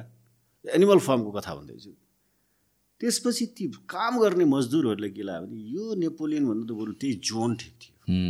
कमसे कम यो नेपोलियनले त हामीमाथि नै दमन पो गर्यो त यति धेरै गर्यो। यो तर यसको बच्चाहरू चाहिँ बोर्डिङमा पढ्ने हाम्रो बच्चा पढ्नै नपाउने। यो चाहिँ बेडमा सुत्ने हामी चाहिँ चिसोमा चाहिँ कठ्याङ्ग्रिएर बस्नुपर्ने। यो चाहिँ हरेक दिन रक्सी खाएर मातेर लट लट्ठीले हान्ने यो चाहिँ सुट टाई लाउने चस्मा लाएर हिँड्ने। जन जनावरको कुरा गर्दैछु यो सिमियोटिक्स हो बरु जोन नै ठिक छ। यहाँसम्म मात्रै लेखेको छ। जर्ज अरियलले यहाँसम्म बरु जोन नै ठिक छ। यहाँसम्मले मात्र लेखेको छ त गणतन्त्रवादी यो उपलब्ध उपलब्धिका लागि लडाइँ लड्ने र त्यस प्राप्त उपलब्धिलाई प्रयोग गर्ने राजनीतिक वृत्तलाई तपाईँले सोधेको उत्तरसँगै मेरो सुझाव के छ भने नेपोलियन अति धेरै भयो बरु जोन नै ठिक छ कि? भनेर एनिमल फर्मका एनिमलहरूले सोच्न थालिसके। त्यसको रिफ्लेक्सन आइसकेका छ। यदि बेलैमा नेपोलियनले आफ्नो चरित्र सुधारेन आफ्ना बच्चाहरूलाई बोर्डिङबाट निकालेर त्यहाँको पिगहरूको त्यहाँको डगहरूको त्यहाँको काउहरूको गाईहरूको भैँसीहरूको त्यहाँका जनावरहरूको बच्चा बच्ची जस्तै गरेन भने मिस्टर जोनलाई सिलेक्ट गर्न सक्छन्। जसरी जज ओरियरले एउटा सङ्केत एनिमल फर्ममा दिएको छ त्यस्तै सङ्केत यहाँ सुरु भइसकेको छ। ढिलो भयो भने त्यो हुने सम्भावना हुन्छ। भूकम्प गएको आठै वर्षमा भक्का भक घरहरू निर्माण अग्ला अग्ला घरहरू निर्माण भए जस्तै हुनसक्छ चित्त नबुझ्दछ यसको के सल्युसन छ जस्तो लाग्छ तपाईँलाई? Solution? सिस्टम सिस्टम नराम्रो त होइन? सिस्टम चलाउने मान्छे नराम्रो भयो होइन र? कि मैले. नबुझेँ हो? तपाईँले सही बुझ्नु सिस्टम त योभन्दा बेटर सिस्टम डेमोक्रेसीभन्दा बेटर सिस्टम चाहिँ संसारमा छैन। डेमोक्रेसीमा पनि फेरि त्यसमा धेरै कुराहरू छन्। डेलिबरेटिभ डेमोक्रेसी डेमोक्रेसीमा लिबरल डेमोक्रेसी र डाइरेक्ट डेमोक्रेसी जुन छ ला- liberal डेमोक्रेसीमा representative democracy participatory democracy inclusive democracy multi party democracy यस्ता डेमोक्रेसीहरू छन्। त्यो बेकार विशेषण मात्रै हुन् तर but in fact democracy as such के हो त भन्दाखेरिमा राइट टु चोइस हो राइट टु क्वेसन हो। राइट टु चोइस हामीले गऱ्यौँ चुज द बेस्ट गरेनौँ कि। अब यो पिपलले नै सोच्नुपर्ने हुन्छ। युनिभर्सल सफरेज भनेको के हो भन्नुहुन्छ भने पिरियडिक इलेक्सन भनेको तिमीले चित्त नबुझेको कुरालाई यदि तिमीले नेता चित्त बुझाएनौ पार्टी चित्त बुझाएनौ भने सिस्टम फाल भनेको होइन। त्यो नेता फाल त्यो पार्टी फाल। तर सिस्टम बचाइराख अर्को पार्टी रोज अर्को नेता रोज जसले तिम्रो एसपिरेसन्सलाई रिफ्लेक्ट गर्न सक्छ रिप्रेजेन्ट गर्न सक्छ। त्यसो भए जनताले पनि बुझ्नुपर्ने कुरा छ नागरिकहरूले पनि कि सिस्टम तिम्रो चोइसलाई सधैँभरि सोभरेन राख्ने सिस्टम छ। सोभरेन्टी अफ द पिपुल पिपुलको सोभरेन्टी चाहिँ यसैमा छ। त्यो सोभरेन्टी अफ द पिपुललाई इन्टिग्रेट राख्नको लागि गर्नको लागि तिमीले राइट टु चोइसले मात्रै हुँदैन कि। चुज द बेस्ट भन्ने चाहिँ डेमोक्रेसीको फन्डामेन्टली यो बुझ्नुपर्ने। त्यो लिटरेट सोसाइटीले मात्रै बुझ्छ फेरि। इलिटरेट सोसाइटीले राइट टु चोइस मात्रै बुझ्छ। लिटरेट सोसाइटीले चुज द बेस्ट बुझ्छ क्या? कहिले कहिले लिटरेट सोसाइटीको इन्सेनिटीले त्यो फ्रिकी स्वभावले फेरि कहिले कहिले फ्रिकी लिडरसिप पनि ल्याउन सक्छ। जस्तै अमेरिका जस्तो ठाउँमा चाहिँ ट्रम्प आयो नि त। ट्रम्प फ्रिकी भन्न खोजेको होइन तर ट्रम्पसँग धेरै सफिस्टिकेटेड भयो नि त त्यो सोसाइटी त्यसो भएको हुनाले सुधार हुन्छ। सुधार हुन्छ त अब अब चाहिँ अति भयो अब चाहिँ नि राइट टु चोइसलाई चुज द बेस्टमा जानुपर्छ। यसो तर डेमोक्रेसीलाई चाहिँ कटेल गर्ने डेमो डेमोक्रेसीलाई हार्म गर्ने एक्टिभिटिजहरू भयो भने बडा यो चाहिँ नि लाइफ लिबर्टी एन्ड प्रपर्टी डेमोक्रेसीको जुन तिनवटा गुण छ नि लाइफ लिबर्टी एन्ड प्रपर्टी यो फेरि इन्डेन्जर्ड हुनसक्छ। जस्तो डेमोक्रेसीकै कुरा गर्दाखेरि त राइट टु चुज त भयो तर अप्सन्स त्यही जहिले पनि त्यही चार पाँचजना नै हुने हो भने त फेरि घुम फेरि त्यही नै पुग्छ होइन? चार पाँचजना हुँदैन सुशान्तजी तपाईँले भन्नुहोस् न। तपाईँ बसेको निर्वाचन क्षेत्रमा तपाईँमा फरक पर्ने छ क्या? तपाईँ बसेको निर्वाचन क्षेत्रमा नेपाली काङ्ग्रेस नेकपा एमाले नेकपा माओवादी केन्द्र राष्ट्रिय स्वतन्त्र पार्टी राप्रपा नेकपा समाजवादी अथवा सिके राउतको पार्टी अथवा नागरिक उन्मुक्ति पार्टी रेशम चौधरीको पार्टी अथवा उपेन्द्र यादवको पार्टी मात्रै छ कि त्यहाँ स्वतन्त्र उम्मेदवारहरू पनि छन्? हामीले त्यो बाहेक नदेख्नु हाम्रो आँखाको कमजोरी हो। उठ्न त उठ्या थिए नि त। कुनै पनि निर्वाचन क्षेत्रमा बिस बाइसजना पच्चिसजना उम्मेदवार उठ्छन्। तर हामीले के देख्छौँ भन्दाखेरिमा काङ्ग्रेस एमाले माओवादी घन्टी गाई यस्तो मात्रै देख्छौँ। त्यो हाम्रो दोष हो। हामी किन त्यो त्यो त्यो त्यो एकदमै कन्भिक्सनबाट त्यो त्यो त्यो एकदमै त्यो रेटोरिक अन्डरस्ट्यान्डिङबाट चेन्ज हुन सकेन। त्यो हाम्रो प्रब्लम हो। थाहा छ त यसले गर्दैन भने। फेरि त्यसैले के गर्ने? अरू उठेन। त्यही पार्टी मात्रै देखिरहने त्यो चेन्ज तपाईँ त्यो पार्टीमा हुनुहुन्छ किनभने तपाईँ त्यो पार्टीसँग जोडिरहनु त्यो कन्टिन्युएसनको एक्जिस्टेन्स हो क्या। तपाईँले चेन्ज गर्नै सक्नु भएन। डेनियल बेलले इन्ड अफ आइडियोलोजी लेखे। फुकी योमाले चाहिँ नि त्यो के अरे हाम्रो जापानिज मूलको राइटर जस्तै द इन्ड अफ हिस्ट्री लेख्यो नि। एन्ड द सिङ्गल म्यान भन्ने। फ्रान्सिस फुकियामाले। इन्ड अफ आइडियोलोजी लेखिसक्यो। आइडियोलोजी भन्ने चिज चाहिँ त्यो रिजिड जड होइन क्या। विचार भन्ने जड हुँदै होइन। विचार भन्ने चिज त समयले अनुभवले आवश्यकताले परिवर्तन हुन्छ। तपाईँ क्षणभरमा रुनुहुन्छ होइन। तपाईँ क्षणभरमा हाँस्नुहुन्छ होइन। त्यो प्रत्येक क्षणले तपाईँलाई हँसाउँछ र रुवाउँछ। जसरी तपाईँ हाँस्नुहुन्छ अनि रुनुहुन्छ रिसाउनुहुन्छ अनि खुसी हुनुहुन्छ। त्यसै गरी विचार पनि समयले परिवर्तन बनाउँदै जान्छ। एउटै विचारमा बस्नु भने त जडता हो तर हामी कहिले कन्भिन्स हुन सक्छौँ जस्तो लाग्छ। किनभने हामीहरू अगेन हामीहरू एउटा बबलमा बस्छौँ जस्तो लाग्छ मलाई चाहिँ। लुक एट हाम्रो अराउन्डमा के भइरहेछ भनेर हेर्ने हुन्छ। हामी चाहिँ जस्तै काठमाडौँमा बसिरहेछौँ भने काठमाडौँ नै सबै चिज हो भनेर सोच्छौँ। काठमाडौँमा हामीहरूको अराउन्डको सर्कल जुन इमिडिएट सर्कलमा जुन आइडियोलोजी छ या बिलिभ छ या ओपिनियन छ त्यही नै हो भनेर सोच्छौँ। तर ओभरअल नेपाल हेर्ने हो भनेर भन्दा त्यो त हामी त बबलमा मात्र बसेका हौँ। So when it comes to कसलाई सेलेक्ट गर्ने भनेर भन्दाखेरि पनि हुने त्यही नै हो कि। मेजोरिटी अफ असले देख्ने त त्यही नै हो। सो फरक ओपिनियन मेरो मात्र छ भनेर भने त्यो सिस्टम सेक गर्नलाई चाहिँ एकदम गाह्रो भएर जाने रहेछ कि। किनभने जुन हामीहरू पार्टीहरूको कुरा गरिरहेको छौँ जुन डेकेड्सदेखि चलिरहेको छ त्यहाँ त ब्रान्डिङमा इन्भेस्ट भएको छ त्यहाँ त मार्केटिङमा इन्भेस्ट भएको छ decades after decades after decades so त्यो सेक गर्नको लागि त्यो चेन्ज गर्नको लागि as a whole we as a citizen त्यो चाहिँ गाह्रो हुने रहेछ कि। गाह्रो हुन्छ। गाह्रो हुन्छ तर चेन्ज हुन्छ। किनभने लामो समय भयो? सेभेन्टिन एट्टी सेभेनमा एट सेभेन्टिन सेभेन्टी सिक्समा भनौँ न जर्ज वासिङटनले त्यहाँबाट एजुकेसन सुरु गरे अमेरिकाबाट। नत्र त ब्रिटिस कोलोनी थियो नि अमेरिका त। सेभेन्टिन सेभेन्टी सिक्ससम्म त एकदमै ठुलो चाहिँ नि त्यो कोलोनाइजेसन थियो अमेरिकामा। सेभेन्टिन सेभेन्टी सिक्सबाट जर्ज वासिङटनले के अरे सेभेन्टिन एट्टी सेभेनमा त्यहाँ इन्डिपेन्डेन्स आयो त्यहाँ कन्स्टिट्युसन बन्यो। होइन? सेभेन्टिन एट्टी नाइनमा कन्स्टिट्युसन बन्यो सेभेन्टिन एट्टी सेभेनमा मलाई जहाँसम्म लाग्छ जर्ज वासिङटन फर्स्ट प्रेजिडेन्ट हो त्यहाँको।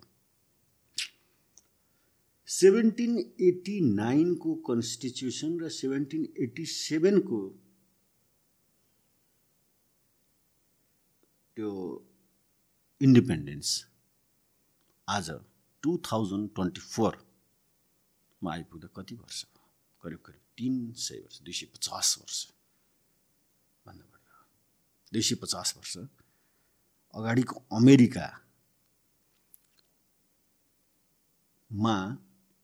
मार्टिन लुथर किङ जुन ब्ल्याक थियो मा नाइन्टिन फिफ्टीमा उसले इक्वालिटीको नारा लगायो। ब्ल्याकलाई पनि त्यत्तिकै इक्वल राइट्स चाहिन्छ भनेर। नाइन्टिन ट्वेन्टी नाइनमा ऊ जन्मेको जस्तो लाग्छ मलाई बिर्सिया छैन भने।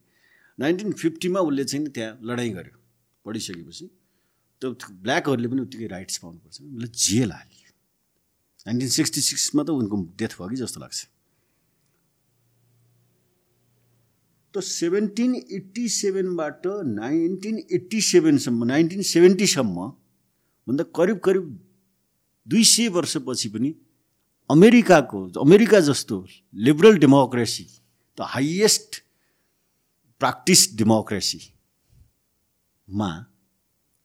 त्यो समस्या रह्यो। त्यति बेलासम्म महिलाहरूले अझै वुमनहरूलाई अधिकार दिएको थियो नाइन्टी तपाईँलाई थाहा छ नाइन्टिन फोर्टी फाइभमा युनाइटेड नेसनको जन्म भएपछि न UDHR युनि universal declaration of human rights आइसकेपछि बल्ल महिलाहरूलाई राइट्स दिएको छ।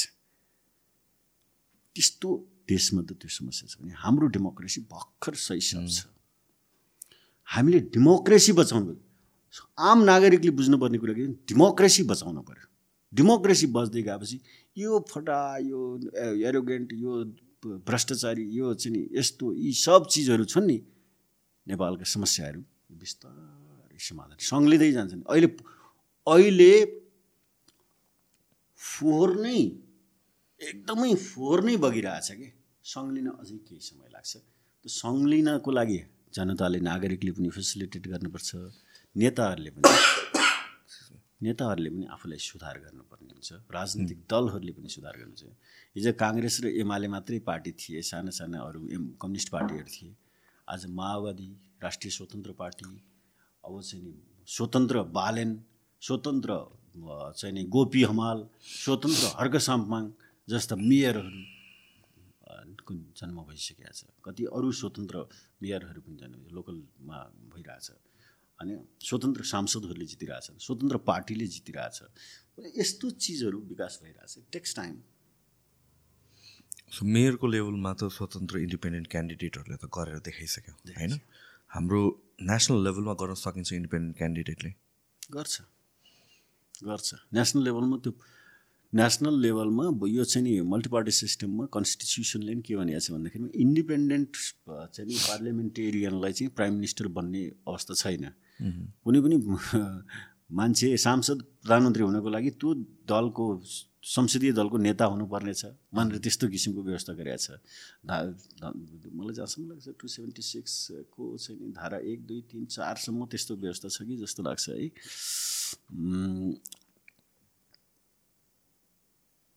यस्तै कुन धारामा हो बिर्सेँ मैले। टु सेभेन्टी सिक्स हो कि? त्यो व्यवस्था छ। त्यसो भएको हुनाले दलको नभइकन नहुने व्यवस्था छ। त्यो पनि बिस्तारै चेन्ज होला। होइन कन्स्टिट्युसन त अमेरिकाको संविधान सत्ताइस पटक संशोधन भएको छ। इन्डियाको संविधान मलाई जहाँसम्म एक सय दस एघार पटक संशोधन भइसकेको छ। त्यसो भएको हुनाले इन्डियाको त नाइन्टिन फिफ्टीमा नै आएको हो कन्स्टिट्युसन होइन फोर्टी सेभेनको इन्डिपेन्डेन्स पछि। त्यसो भएको हुनाले मलाई म त अप्टिमिस्टिक छु तर समाज एज सच यति रिस यति जेलस छ कि त्यो मान्छे देशमा बस्नै नसक्ने स्थिति भएर बाहिर जानुपर्ने स्थिति छ कि? त्यस्तोसम्म छ। हो। सो यो जुन यो आउटफ्लो अफ तपाईँले ठ्याक्क राइट डिरेक्सनमा लगाउनुभयो यो कन्भर्सेसन जुन आउटफ्लो अफ पिपलहरू छ अहिले एट दिस पोइन्ट होइन? Um, यो कतिको ठुलो थ्रेट हो? किनभने एउटा एउटा फिलोसफी के छ भनेपछि बाहिर जानुपर्छ सिक्नुपर्छ पढ्नुपर्छ अनि त्यसपछि आएर यहाँ इम्प्लिमेन्ट गर्नुपर्छ। तर कतिजनाको इन्टेन्ट के हुन्छ भने चाहिँ बाहिर गएर बस्नु? अगेन त्यो पनि इन्डिभिजुअल राइट्स छ तर एज अ नेसनलाई कसरी एफेक्ट गर्छ भन्दा पनि अहिले एट दिस पोइन्ट त्यो थ्रेट हो कि होइन? कि हामी होपफुल भएर बस्ने कि फर्केर आउँछन् भनेर? फर्केर होइन। यो त मोमेन्टम पनि हो नि त। कति कुरा त मोमेन्टमले गर्छ इन्टेन्ट भन्दा पनि। सो त्यो इन्टेन्ट राम्रो भए पनि फर्केर आउँछु भन्ने इन्टेन्ट भयो भने पनि जुन हिसाबले मोमेन्टम त आउटफ्लो म्यासिभ छ। र यो मोमेन्टमले के गर्छ भने चाहिँ फर्केर आउने वातावरण नभउन सक्छ त्यो बेलासम्म। यो चिज तपाईँलाई कन्सर्निङ लाग्छ कि लाग्दैन अहिलेको? यो एकदम ठुलो थ्रेड हो भन्नुहोस् सुशान्तजी। मान्छे बाहिर जान चाहिँ पर्छ। म त एकदम त्यसको चाहिँ नि बाहिर जानुपर्छ भन्ने मान्छे हो। देशमा केही गर्नै पाउँदैन। तपाईँ एउटा एउटा एउटा ब्याङ्कबाट लोन आठ पर्सेन्टमा लोन लिनुभयो अनि चाहिँ नि व्यापार गर्छु बिजनेस इन्टरप्रेनरसिप सुरु गर्छु इन्डस्ट्री खोल्छु फ्याक्ट्री खोल्छु भन्नुभयो तपाईँको एक वर्षपछि त्यसको सोह्र पर्सेन्टमा पुर्याइदिन्छ ब्याङ्क। मिटर ब्याज ब्याङ्क होइन। सहकारीको त मान्छे सारा डुबेकै छन्। मेरो श्रीमतीले पनि सहकारीमा त्यो कति असी पचासी हजार जम्मा गरेको रहेछ। लिने बेलामा छैन सहकारी। मेरो बुढीले पनि चाहिँ नि राखेको पैसा सहकारीले त्यहाँ छैन। देशमा शान्तिसँग बस्ने स्थिति छैन। रोजगारीको अवस्था छैन। पढ्नको लागि स्कुलहरू बच्चालाई पढाउनको लागि आफूले त पढेन पढेन। बच्चालाई पढाउनको लागि पुग्ने पैसा हुँदैन। सरकारी स्कुलमा राम्रो पढाइ हुँदैन। प्राइभेट स्कुलमा धेरै महँगो छ। दाईको छोराले प्राइभेट स्कुलमा पढायो भाइको छोराले पढाउन सक्दैन। श्रीमती लोग्ने जो छ कराउँछन् झगडा गर्छन्। तिमीले यति पनि गर्न सकेनौ। मान्छे कहाँ जान्छ? घरमा बस्नै सक्ने होइन। समाजले बाबुआमाले पनि कमजोरलाई हेप्दो रहेछन् हेर्नुहोस्। बाबुआमाले कमजोरलाई माया गर्नुपर्ने हो नि त। त्यसले त्यत्रो गरिसक्यो तैँले त्यही दाईले त्यत्रो गरिन गरिसक्यो कमाइसक्यो भाइले केही कमाउनु सकेको छैन। बाबुआमाले पनि हेप्दो रहेछन् काका काकीले पनि हेप्दो रहेछन् त्यसले त्यत्रो गरिसक्यो तैँले त्यति केही पनि गर्न सकिस् नपढिस् पढ्न आफूले पढाएनन् बाबुआमाले। उनको पैसा नभएर पढाएनन्। मान्छे कहाँ जान्छ भन्नुहोस् न। पढे पनि रोजगारी छैन। एमएससी गरेको छ यहाँ पैसा भएको छैन। म भनौँ न मैले दुईवटा विषयमा मास्टर्स गरेँ। टेलिभिजनमा छ। मैले घर खर्च चलाउनलाई मैले कुनै स्कुलमा कलेजमा पढाउने किन कुनै युनिभर्सिटीमा पढाउने किन पढाउने मैले युनिभर्सिटीमा पढाएको कुरा अथवा मैले कलेजमा पढाएको कुरा मेरा सँगै काम गर्ने साथीहरूलाई रिस उठ्छ। यसले त धेरै पैसा कमायो पढायो यता गरेछ उता गरेछ आज तपाईँसँग म बोलिरहेको छु कतिलाई रिस उठ्न सक्छ? चित्त बुझ्दैन ज्यालस हुन्छ। यसले त साह्रै। सुशान्त प्रधानले यार अन्तर्वार्ता लियो।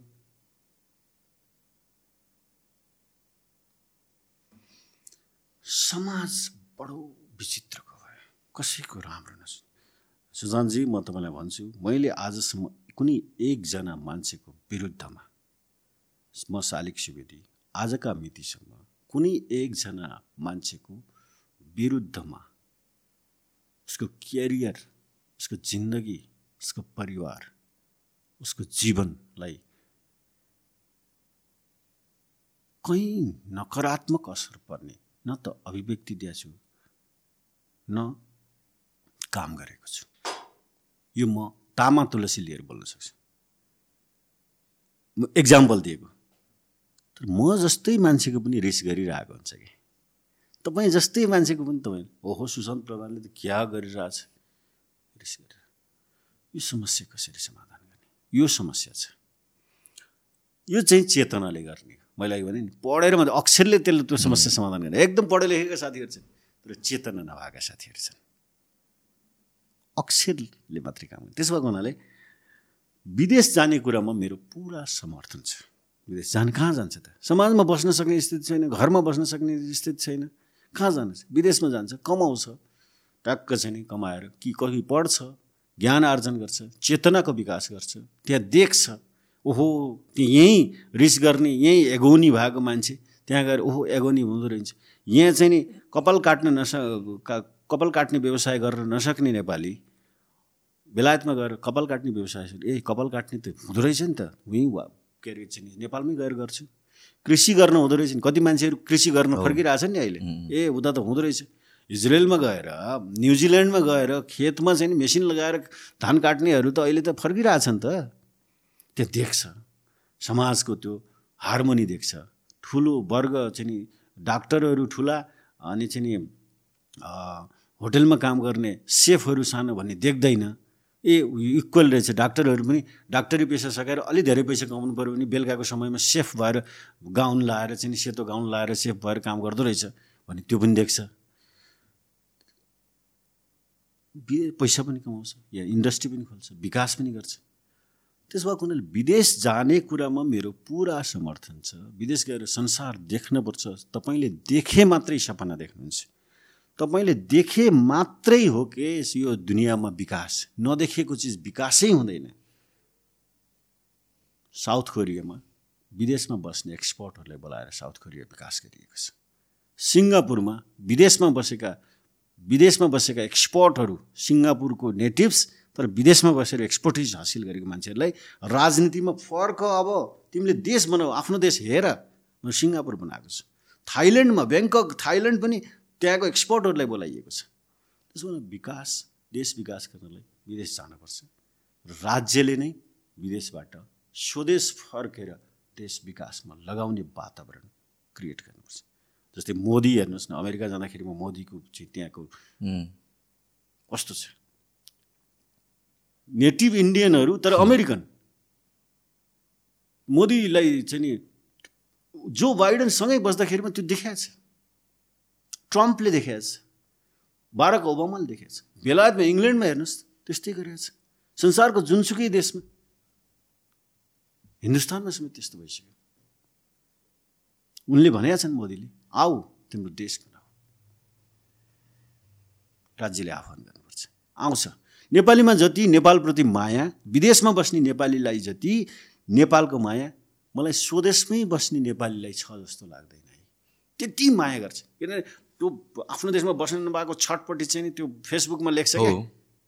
मैले बिलिभ गर्ने पनि त्यही हो कोही पनि रहरले गएको होइन। रहर फ्यु पिपलको होला तर प्रायः जस्तो बाध्यताले गएको। तर बाध्यताले गए गए पनि कस्तो मलाई डर के भन्यो भनेपछि इट्स नट अबाउट इन्टेन्टको कुरा होइन। इन्टेन्ट राम्रो छ तर त्यो सिचुएसन हामी क्रिएट गर्न सक्छौँ जहाँ कि उहाँहरू फर्केर आएर डेभलप हुन् हुन्छ भन्ने हिसाबले। किनभने बाहिर गइराख्ने हो भने त पपुलेसन खाली हुन्छ हेर्नुहोस्। पपुलेसन खाली हो भने त्यो ठाउँ फर्केर आउने फर्केर आउने वातावरण नै कसले सृजना गरिदिने भन्ने हिसाबले हुन्छ। र यो हामी त्यो साइकलमा फसिरहेछौँ कि जस्तो मलाई क्वेसन आउँछ कि अहिलेको मेरो one of the biggest concern भनेर नै यही भएर आएको छ कि जुन किनभने यो ऱ्यापिड ऱ्यापिड स्केलमा भइरहेछ। होइन र यो लास्ट वान इयर टु इयरमा के भएको छ? यो यसरी त मैले कहिले पनि देखेको थिएन जुन हिसाबले गइरहेको छ। पहिला त कामको लागि मात्र भनेर गइन्थ्यो। त्यो पनि बाध्यता हो हेर्नुहोस्। अब पढाइको लागि भनेर गइरहेको छ। र यो फ्लो जुन हिसाबले झन् एस्कुलेट मात्र हुँदै गइरहेको छ। पछि गएर फर्केर आउने इन्भाइरोमेन्ट नै नहोला कि? भन्ने क्वेसन आउँछ कि मलाई? मलाई विदेश जान मन लाग्यो हेर्नुहोस् म घुम्न त धेरै देश घुमेँ।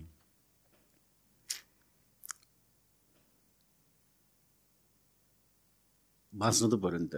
पैसा पनि कमाउनु पऱ्यो घर परिवार खुसी राख्नु पऱ्यो। बा आमा हुनुहुन्छ दाई विदेशमा छ। बा आमाको हेरचाह पनि गर्नु पऱ्यो। एउटा छोरा त बस्नु पऱ्यो। हाम्रो त त्यस्तो छ नि त। बिरामी भइरहनुहुन्छ। सब छोडेर विदेश छौँ कलेज पढाएको छु। बिहानको टाइममा म बेलुकाको सिफ्टमा छु। साथीहरू उजुरी गर्ने गएका छन्। यसले कलेज पढायो भनेर। शिक्षा पनि बाँड्न नि। पढेको युनिभर्सिटीमा गएको छु। तालिम दिन गएको छु। अस्ति फोनिजले बोलायो मलाई चाहिँ इन्क्लुसिभनेसको विषयमा बोल्न। त्यहाँ पैसा दियो। अस्ति चाहिँ नि नेफेजले यो सेजनले बोलायो accountability and transparency in public financial management भनेर। त्यसमा रामेश्वर खनाल सर म थियौँ। पऱ्यो अब कतिपय साथीहरूले चित्त बुझ्दैन। ठाउँ ठाउँमा उजुरी हाल्छन्। उजुरीको जवाफ लेख्नु पऱ्यो मेरो देशमा बसेर म के भ्रष्टाचार नगरिकन मेहनत गरेर पसिनाको खाना पनि नपाउने। आफूले मेहनत गरेर मेरो बच्चालाई मिठो खुवाउन नपाउने। आफूले मेहनत गरेर कुनै भ्रष्टाचार एक रुपियाँ कसैसँग नलिकन मेरो बाबुआमालाई उपचार गर्न नपाउने। जब यस्तो स्थिति हुन्छ को देशमा बस्छ? तपाईँ हेर्नुहोस् सुशान्तजी तपाईँ कहिलेसम्म यहाँ टिक्नुहुन्छ? जब यस्तो भइरह्यो भने तपाईँ गरिरहनु भएको छ आफू यही देशमा बचा बचाउनुपर्छ यही देशलाई बलियो बनाउनुपर्छ भन्नुहुन्छ। तर तपाईँको यस्तो किसिमको इन्भाइरोमेन्ट बनिदिन्छ कि यत्रो समय मैले खेर पालेँ। पहिल्यै गएको भए। मलाई कहिले कहिले लाग्छ कि म म चाहिँ नि मेरो बाइस तेइस वर्षको उमेरमा म विदेश गएको भए म अहिले कति कमाउँथेँ होला। कस्तो हुन्थेँ होला। कहिले कहिले लाग्छ मैले बहुत ठिक गरेछु। कमसेकम मेरो बा आमालाई त हेर्न पाएको छु। मेरो छोराछोरीसँग त सँगै बस्न पाएको छु। मेरो परिवारहरूसँग त सँगै छु। मेरो छिमेकीसँग छ मेरो माटोसँग मेरो स्याङ्जासँग सँगै छु। मेरो वालिङसँग सँगै छु। मेरो बिपी चोकसँग सँगै छु। मेरो ढापखोलासँग सँगै छु। म नारायणसँग छु। म शङ्करसँग छु। म बुद्धिसागरसँग छु। म अरूसँग छु भन्न त पाएको छु। त्यसो भएको हुनाले कहिले सँगै छुले जित्छ कहिले विदेश गइनँ भन्नेले जित्छ पिरले जित्छ त्यसो भएको हुनाले यो वातावरण नबन्दासम्म यो स्थिति आउँछ जान्छ नै। कहिले कहिले मलाई नै लाग्छ त्यसो भएको हुनाले विदेश जाने कुरा चाहिँ नि सकिन्छ कि भन्ने तपाईँको जुन जुन कन्सर्न हो। जहिलेसम्म वातावरण बन्दैन तहिलेसम्म मान्छेहरू विदेश जान्छ जान पनि पर्छ। वातावरण बनाउने जिम्मा चाहिँ राजनीतिक दलहरूले लिएका छन्। यो राजनीतिले लिएको छ। यदि वातावरण बनेन भने देश खाली हुन्छ। बुढाबुढीले चाहिँ नि सब चाहिँ नि घाटमा लैजाने मान्छेहरूको अभाव हुनसक्छ त्यो बेलैमा त्यो त्यो त कस्तो छ भन्दाखेरिमा अ, डोकोको कथा आउँछ कि सर? कस्तो भन्दाखेरिमा मलाई लाने डोकाले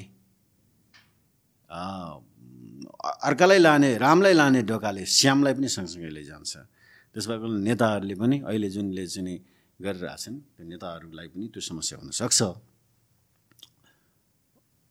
अब मलाई विश्वास के हो भन्दाखेरि दस वर्षपछि करिब आठ दस वर्षपछि त्यो रिभोल्ट हुन्छ। विदेशमा बसेर कमाएका मानिसहरू स्वदेशमा सो विवेकले फर्केर मेरो देश अब हामीले बनाउनुपर्छ भने उतै क्याम्पेनिङ गरेर सोसियल मिडिया मार्फत त्यो अर्को मिडिया पनि आउन सक्छ। उतै विदेशमै क्याम्पेनिङ गरेर आफ्नो देशमा आएर एउटा रिभोल्युसन हुन्छ। त्यो एकाडेमिक रिभोल्युसन हुन्छ त्यो शान्तिपूर्ण रिभोल्युसन हुन्छ त्यो शान्तिपूर्ण रिभोल्युसनले त्यो देशलाई चाहिँ नि यो परम्परागत पार्टीहरूलाई कमजोर बनाएर देश बनाउने स्थिति आउँछ किनभने यो अति हुन थालिसक्यो। मलाई त विश्वास छ। हो। मलाई दुःख लाग्ने कुरा पनि यही हो किनभने नेपालमा हामीहरूले ट्यालेन्टको कुरा गर्ने हो भने क्यापेबिलिटी छ हेर्नुहोस्। मलाई यो पडकास्ट सिरिज स्टार्ट गर्नुभन्दा अगाडि मलाई पनि थाहा थिएन। तर जुन हिसाबको एक्सपर्टहरूसँग मैले कुरा गरेँ एकाडेमिक्सहरू खोजेँ खोज्नुपर्ने रहेछ यहाँ चाहिँ। त्यो चाहिँ रहेछ। तर Nepal in terms of academic capabilities yeah academics या इन्टेलेक्चुअलको क्वालिटीमा हेर्ने हो भने it comes second to none नेपालमा छ वर्ल्ड क्लास नै छन् इन्टेलेक्चुअल्सहरू र सबैजनाको दुःख नै त्यही हुन्छ कि कुरा गर्दाखेरि वान वान कतिजनाले अन क्यामरा भन्नुहुन्छ कतिजनाले अफ क्यामरा भन्नुहुन्छ। कि म यो सो एन्ड सो फिल्डमा म एक्सपर्ट हो म वर्ल्ड क्लास एक्सपर्ट हो मलाई संसारमा युएनले बोलाएको छ यो युनिभर्सिटीले बोलाएको छ बोल्न बोलाएको छ तर मेरो देशमा मेरै भ्याल्यु छैन। ए वेन इट कम्स टु एउटा म वर्ल्ड क्लास इकोनोमिस्ट हो भनेर भनेपछि यहाँ देशको इकोनोमी प्लानहरू बनाउने बेलामा मसँग म त्यो थिङ्क ट्याङ्कमा म हुँदिनँ। थिङ्क ट्याङ्कमा को हुन्छ भनेपछि त्यही नेता गराउनुको मान्छेहरू हुन्छ। When it comes to development इन्फ्रास्ट्रक्चरको expert हुनुहुन्छ भनेपछि त्योसँग रिलेटेड कुरामा चाहिँ मैले आफ्नो ओपिनियन राख्न पाउँदिनँ। सो त्यो कारणले गर्दा ट्यालेन्ट एकदमै वेस्ट भइरहेको छ। कतिजना त अब दिक्क लाएर बाहिर नै जानुहुन्छ हेर्नुहोस्। तर जो रिटेन्ड भइरहनु भएको छ उहाँहरूले चाहेर पनि कन्ट्रिब्युट गर्न सकिरहनु भएको छैन क्या। अनि सो यो हामीहरू घुमिफिरिकन त्यही सिचुएसनमै अड्की मात्र रहेको छौँ। किन भन्नु भनेपछि हामीसँग रिसोर्सेस नभएको होइन। रिसोर्सेस भएको त्यसलाई युटिलाइज गर्न नसकेको या नजानेको भएर अन्त। तपाईँ भनेको कुरा एकदम सही एक्सपोर्टहरूलाई यहाँ स्पेस दिँदैन। पोलिटिकल प्रक्सिमिटी र नेपोटिजम फेभरेटिजम जुन छ नि हुन त यो सानो डेमोक्रेसीमा यस्तो हुन्छ। समय थोरै डेमोक्रेसी भनेको डेमोक्रेसीको समय थोरै भएको हुनाले बिस बाइस वर्षको अवधिमा यस्तो चाहिँ हुन्छ नै। त्यो फ्लोरिस हुनलाई टाइम लाग्छ कि? त्यो ट्रान्सपरेन्सी त्यो इम्पार्सियालिटी हुनलाई चाहिँ टाइम लाग्छ। तर तपाईँले भने जस्तो मलाई त्यो जुन इकोनोमिस्टले भने नि तपाईँसँग कुरा गर्दा त्यस्तो मलाई पनि फिल भएको छ। त्यस्तो छ। अनि जान्छ विदेश। तपाईँ नै तपाईँ नै अहिले तपाईँलाई चाहिँ नि अँ, अहिले पोडकास्ट नेपालको पोडकास्टको जगतमा तपाईँ एउटा पायनियर सरसर्ती हेर्दाखेरिमा तपाईँ कहिले तपाईँ टप कहिले अर्को टप यस्तो चाहिँ नि देखिन्छ सरसर्ती हेर्दाखेरिमा। अहिले सुदीपले सुदीप भाइ सुवेदीले पनि बडा राम्रो गरिरहेछ। उसको पनि राम्रो चलेको छ राम्रो गर्छ उसको प्याटर्न अलिकति फरक छ। तपाईँलाई चाहिँ नि यो मिडिया सेक्टरमा चाहिँ नि के गर्न सकिन्छ? भनेर चाहिँ नि यो freedom of expression and opinion अथवा पडकास्टलाई कसरी लैजान सकिन्छ? अथवा नेपालको मिडियाको पोजिसन के छ भनेर चाहिँ कुनै पनि गभर्मेन्ट एजेन्सिजले स्टेक होल्डरले चाहिँ बोलाउँदैन। बोलाउँ चिन्दै चिन्दैन। कसलाई बोलाउँछ त भन्दाखेरिमा पत्रकार महासङ्घ पूर्व अध्यक्षहरू जो जो छन् नि त्यो तपाईँको भ्युज म किन पढाउन म किन स्टुडेन्टसँग अझै पनि म युनिभर्सिटीमा अथवा कलेजहरूमा किन जान्छु त भन्दाखेरिमा त्यो यङ त्यो एसपिरेसन्ससँग टच हुनलाई सँगै जोडिनलाई। तपाईँलाई चिन्दै चिन्दैन क्या स्टेटले स्टेट मेकानिजम चिन्दै चिन्दैन। सुजानजी के ल आउनुहोस् तपाईँ यहाँ छलफल गरौँ कस्तो छ पोडकास्टले के गरिरहेछ? अहिले टेलिभिजनमा भन्दा पोडकास्टमा अन्तर्वार्ता हेरिने छ। टेलिभिजनको प्रो- प्रोग्राममा भन्दा पोडकास्टको प्रोग्राम चाहिँ बलियो भइसक्यो। यो चिज थाहै छैन स्टेटलाई। थाहा हुनु पऱ्यो नि त। आज सुशान्त प्रधानको सञ्जय सिलवालको सुदीप बाबु सुवेदीको प्रोग्रामहरू पोडकास्टहरू कहाँ पुगेको छ त आज टेलिभिजनका टक सोहरू कुन कुन स्थितिमा छ त्यो स्टेटले बुझ्नु पर्दैन। बोलाउँछ बोलाउँदैन। यो समस्या छ। अनि के गर्छ? भन्दा स्टेटको रिकग्निसन नभएपछि मान्छेलाई त फ्रस्ट्रेसन हुन्छ नि त। जान्छ विदेश जान्छ। तर विदेश गएको मान्छे चाहिँ फर्किन्छ भन्ने कुरामा चाहिँ मलाई यति विश्वास छ नि। किन भन्दाखेरि मैले जति यो देशलाई माया गर्छु अथवा मैले जति यो मेरो जन्मेको भूमिलाई वालिङ स्याङ्जालाई माया गर्छु त्यत्तिकै मान्छे सतहत्तरै जिल्लाका सतहत्तरै स्थानीय ठाउँ ठाउँका मान्छेहरूले उत्तिकै आफ्ना जन्मेका ठाउँहरूलाई माया गर्छन्। उनीहरूलाई यति छटपट्टि छ कि त्यहीँ गएर कहिले कहिले उनीहरूलाई कहिले म गएर राजनीति गरौँ जस्तो मान्छन्। कहिले कहिले र त्यहाँ गएर व्यापार गरौँ जस्तो हुन्छ त्यो छटपट्टि निस्किन्छ क्या। त्यसो भएको हुनाले त्यो त्यो छटपट्टि एकै ठाउँमा स्पाइरल अफ साइलेन्स भएर बसिएको छ।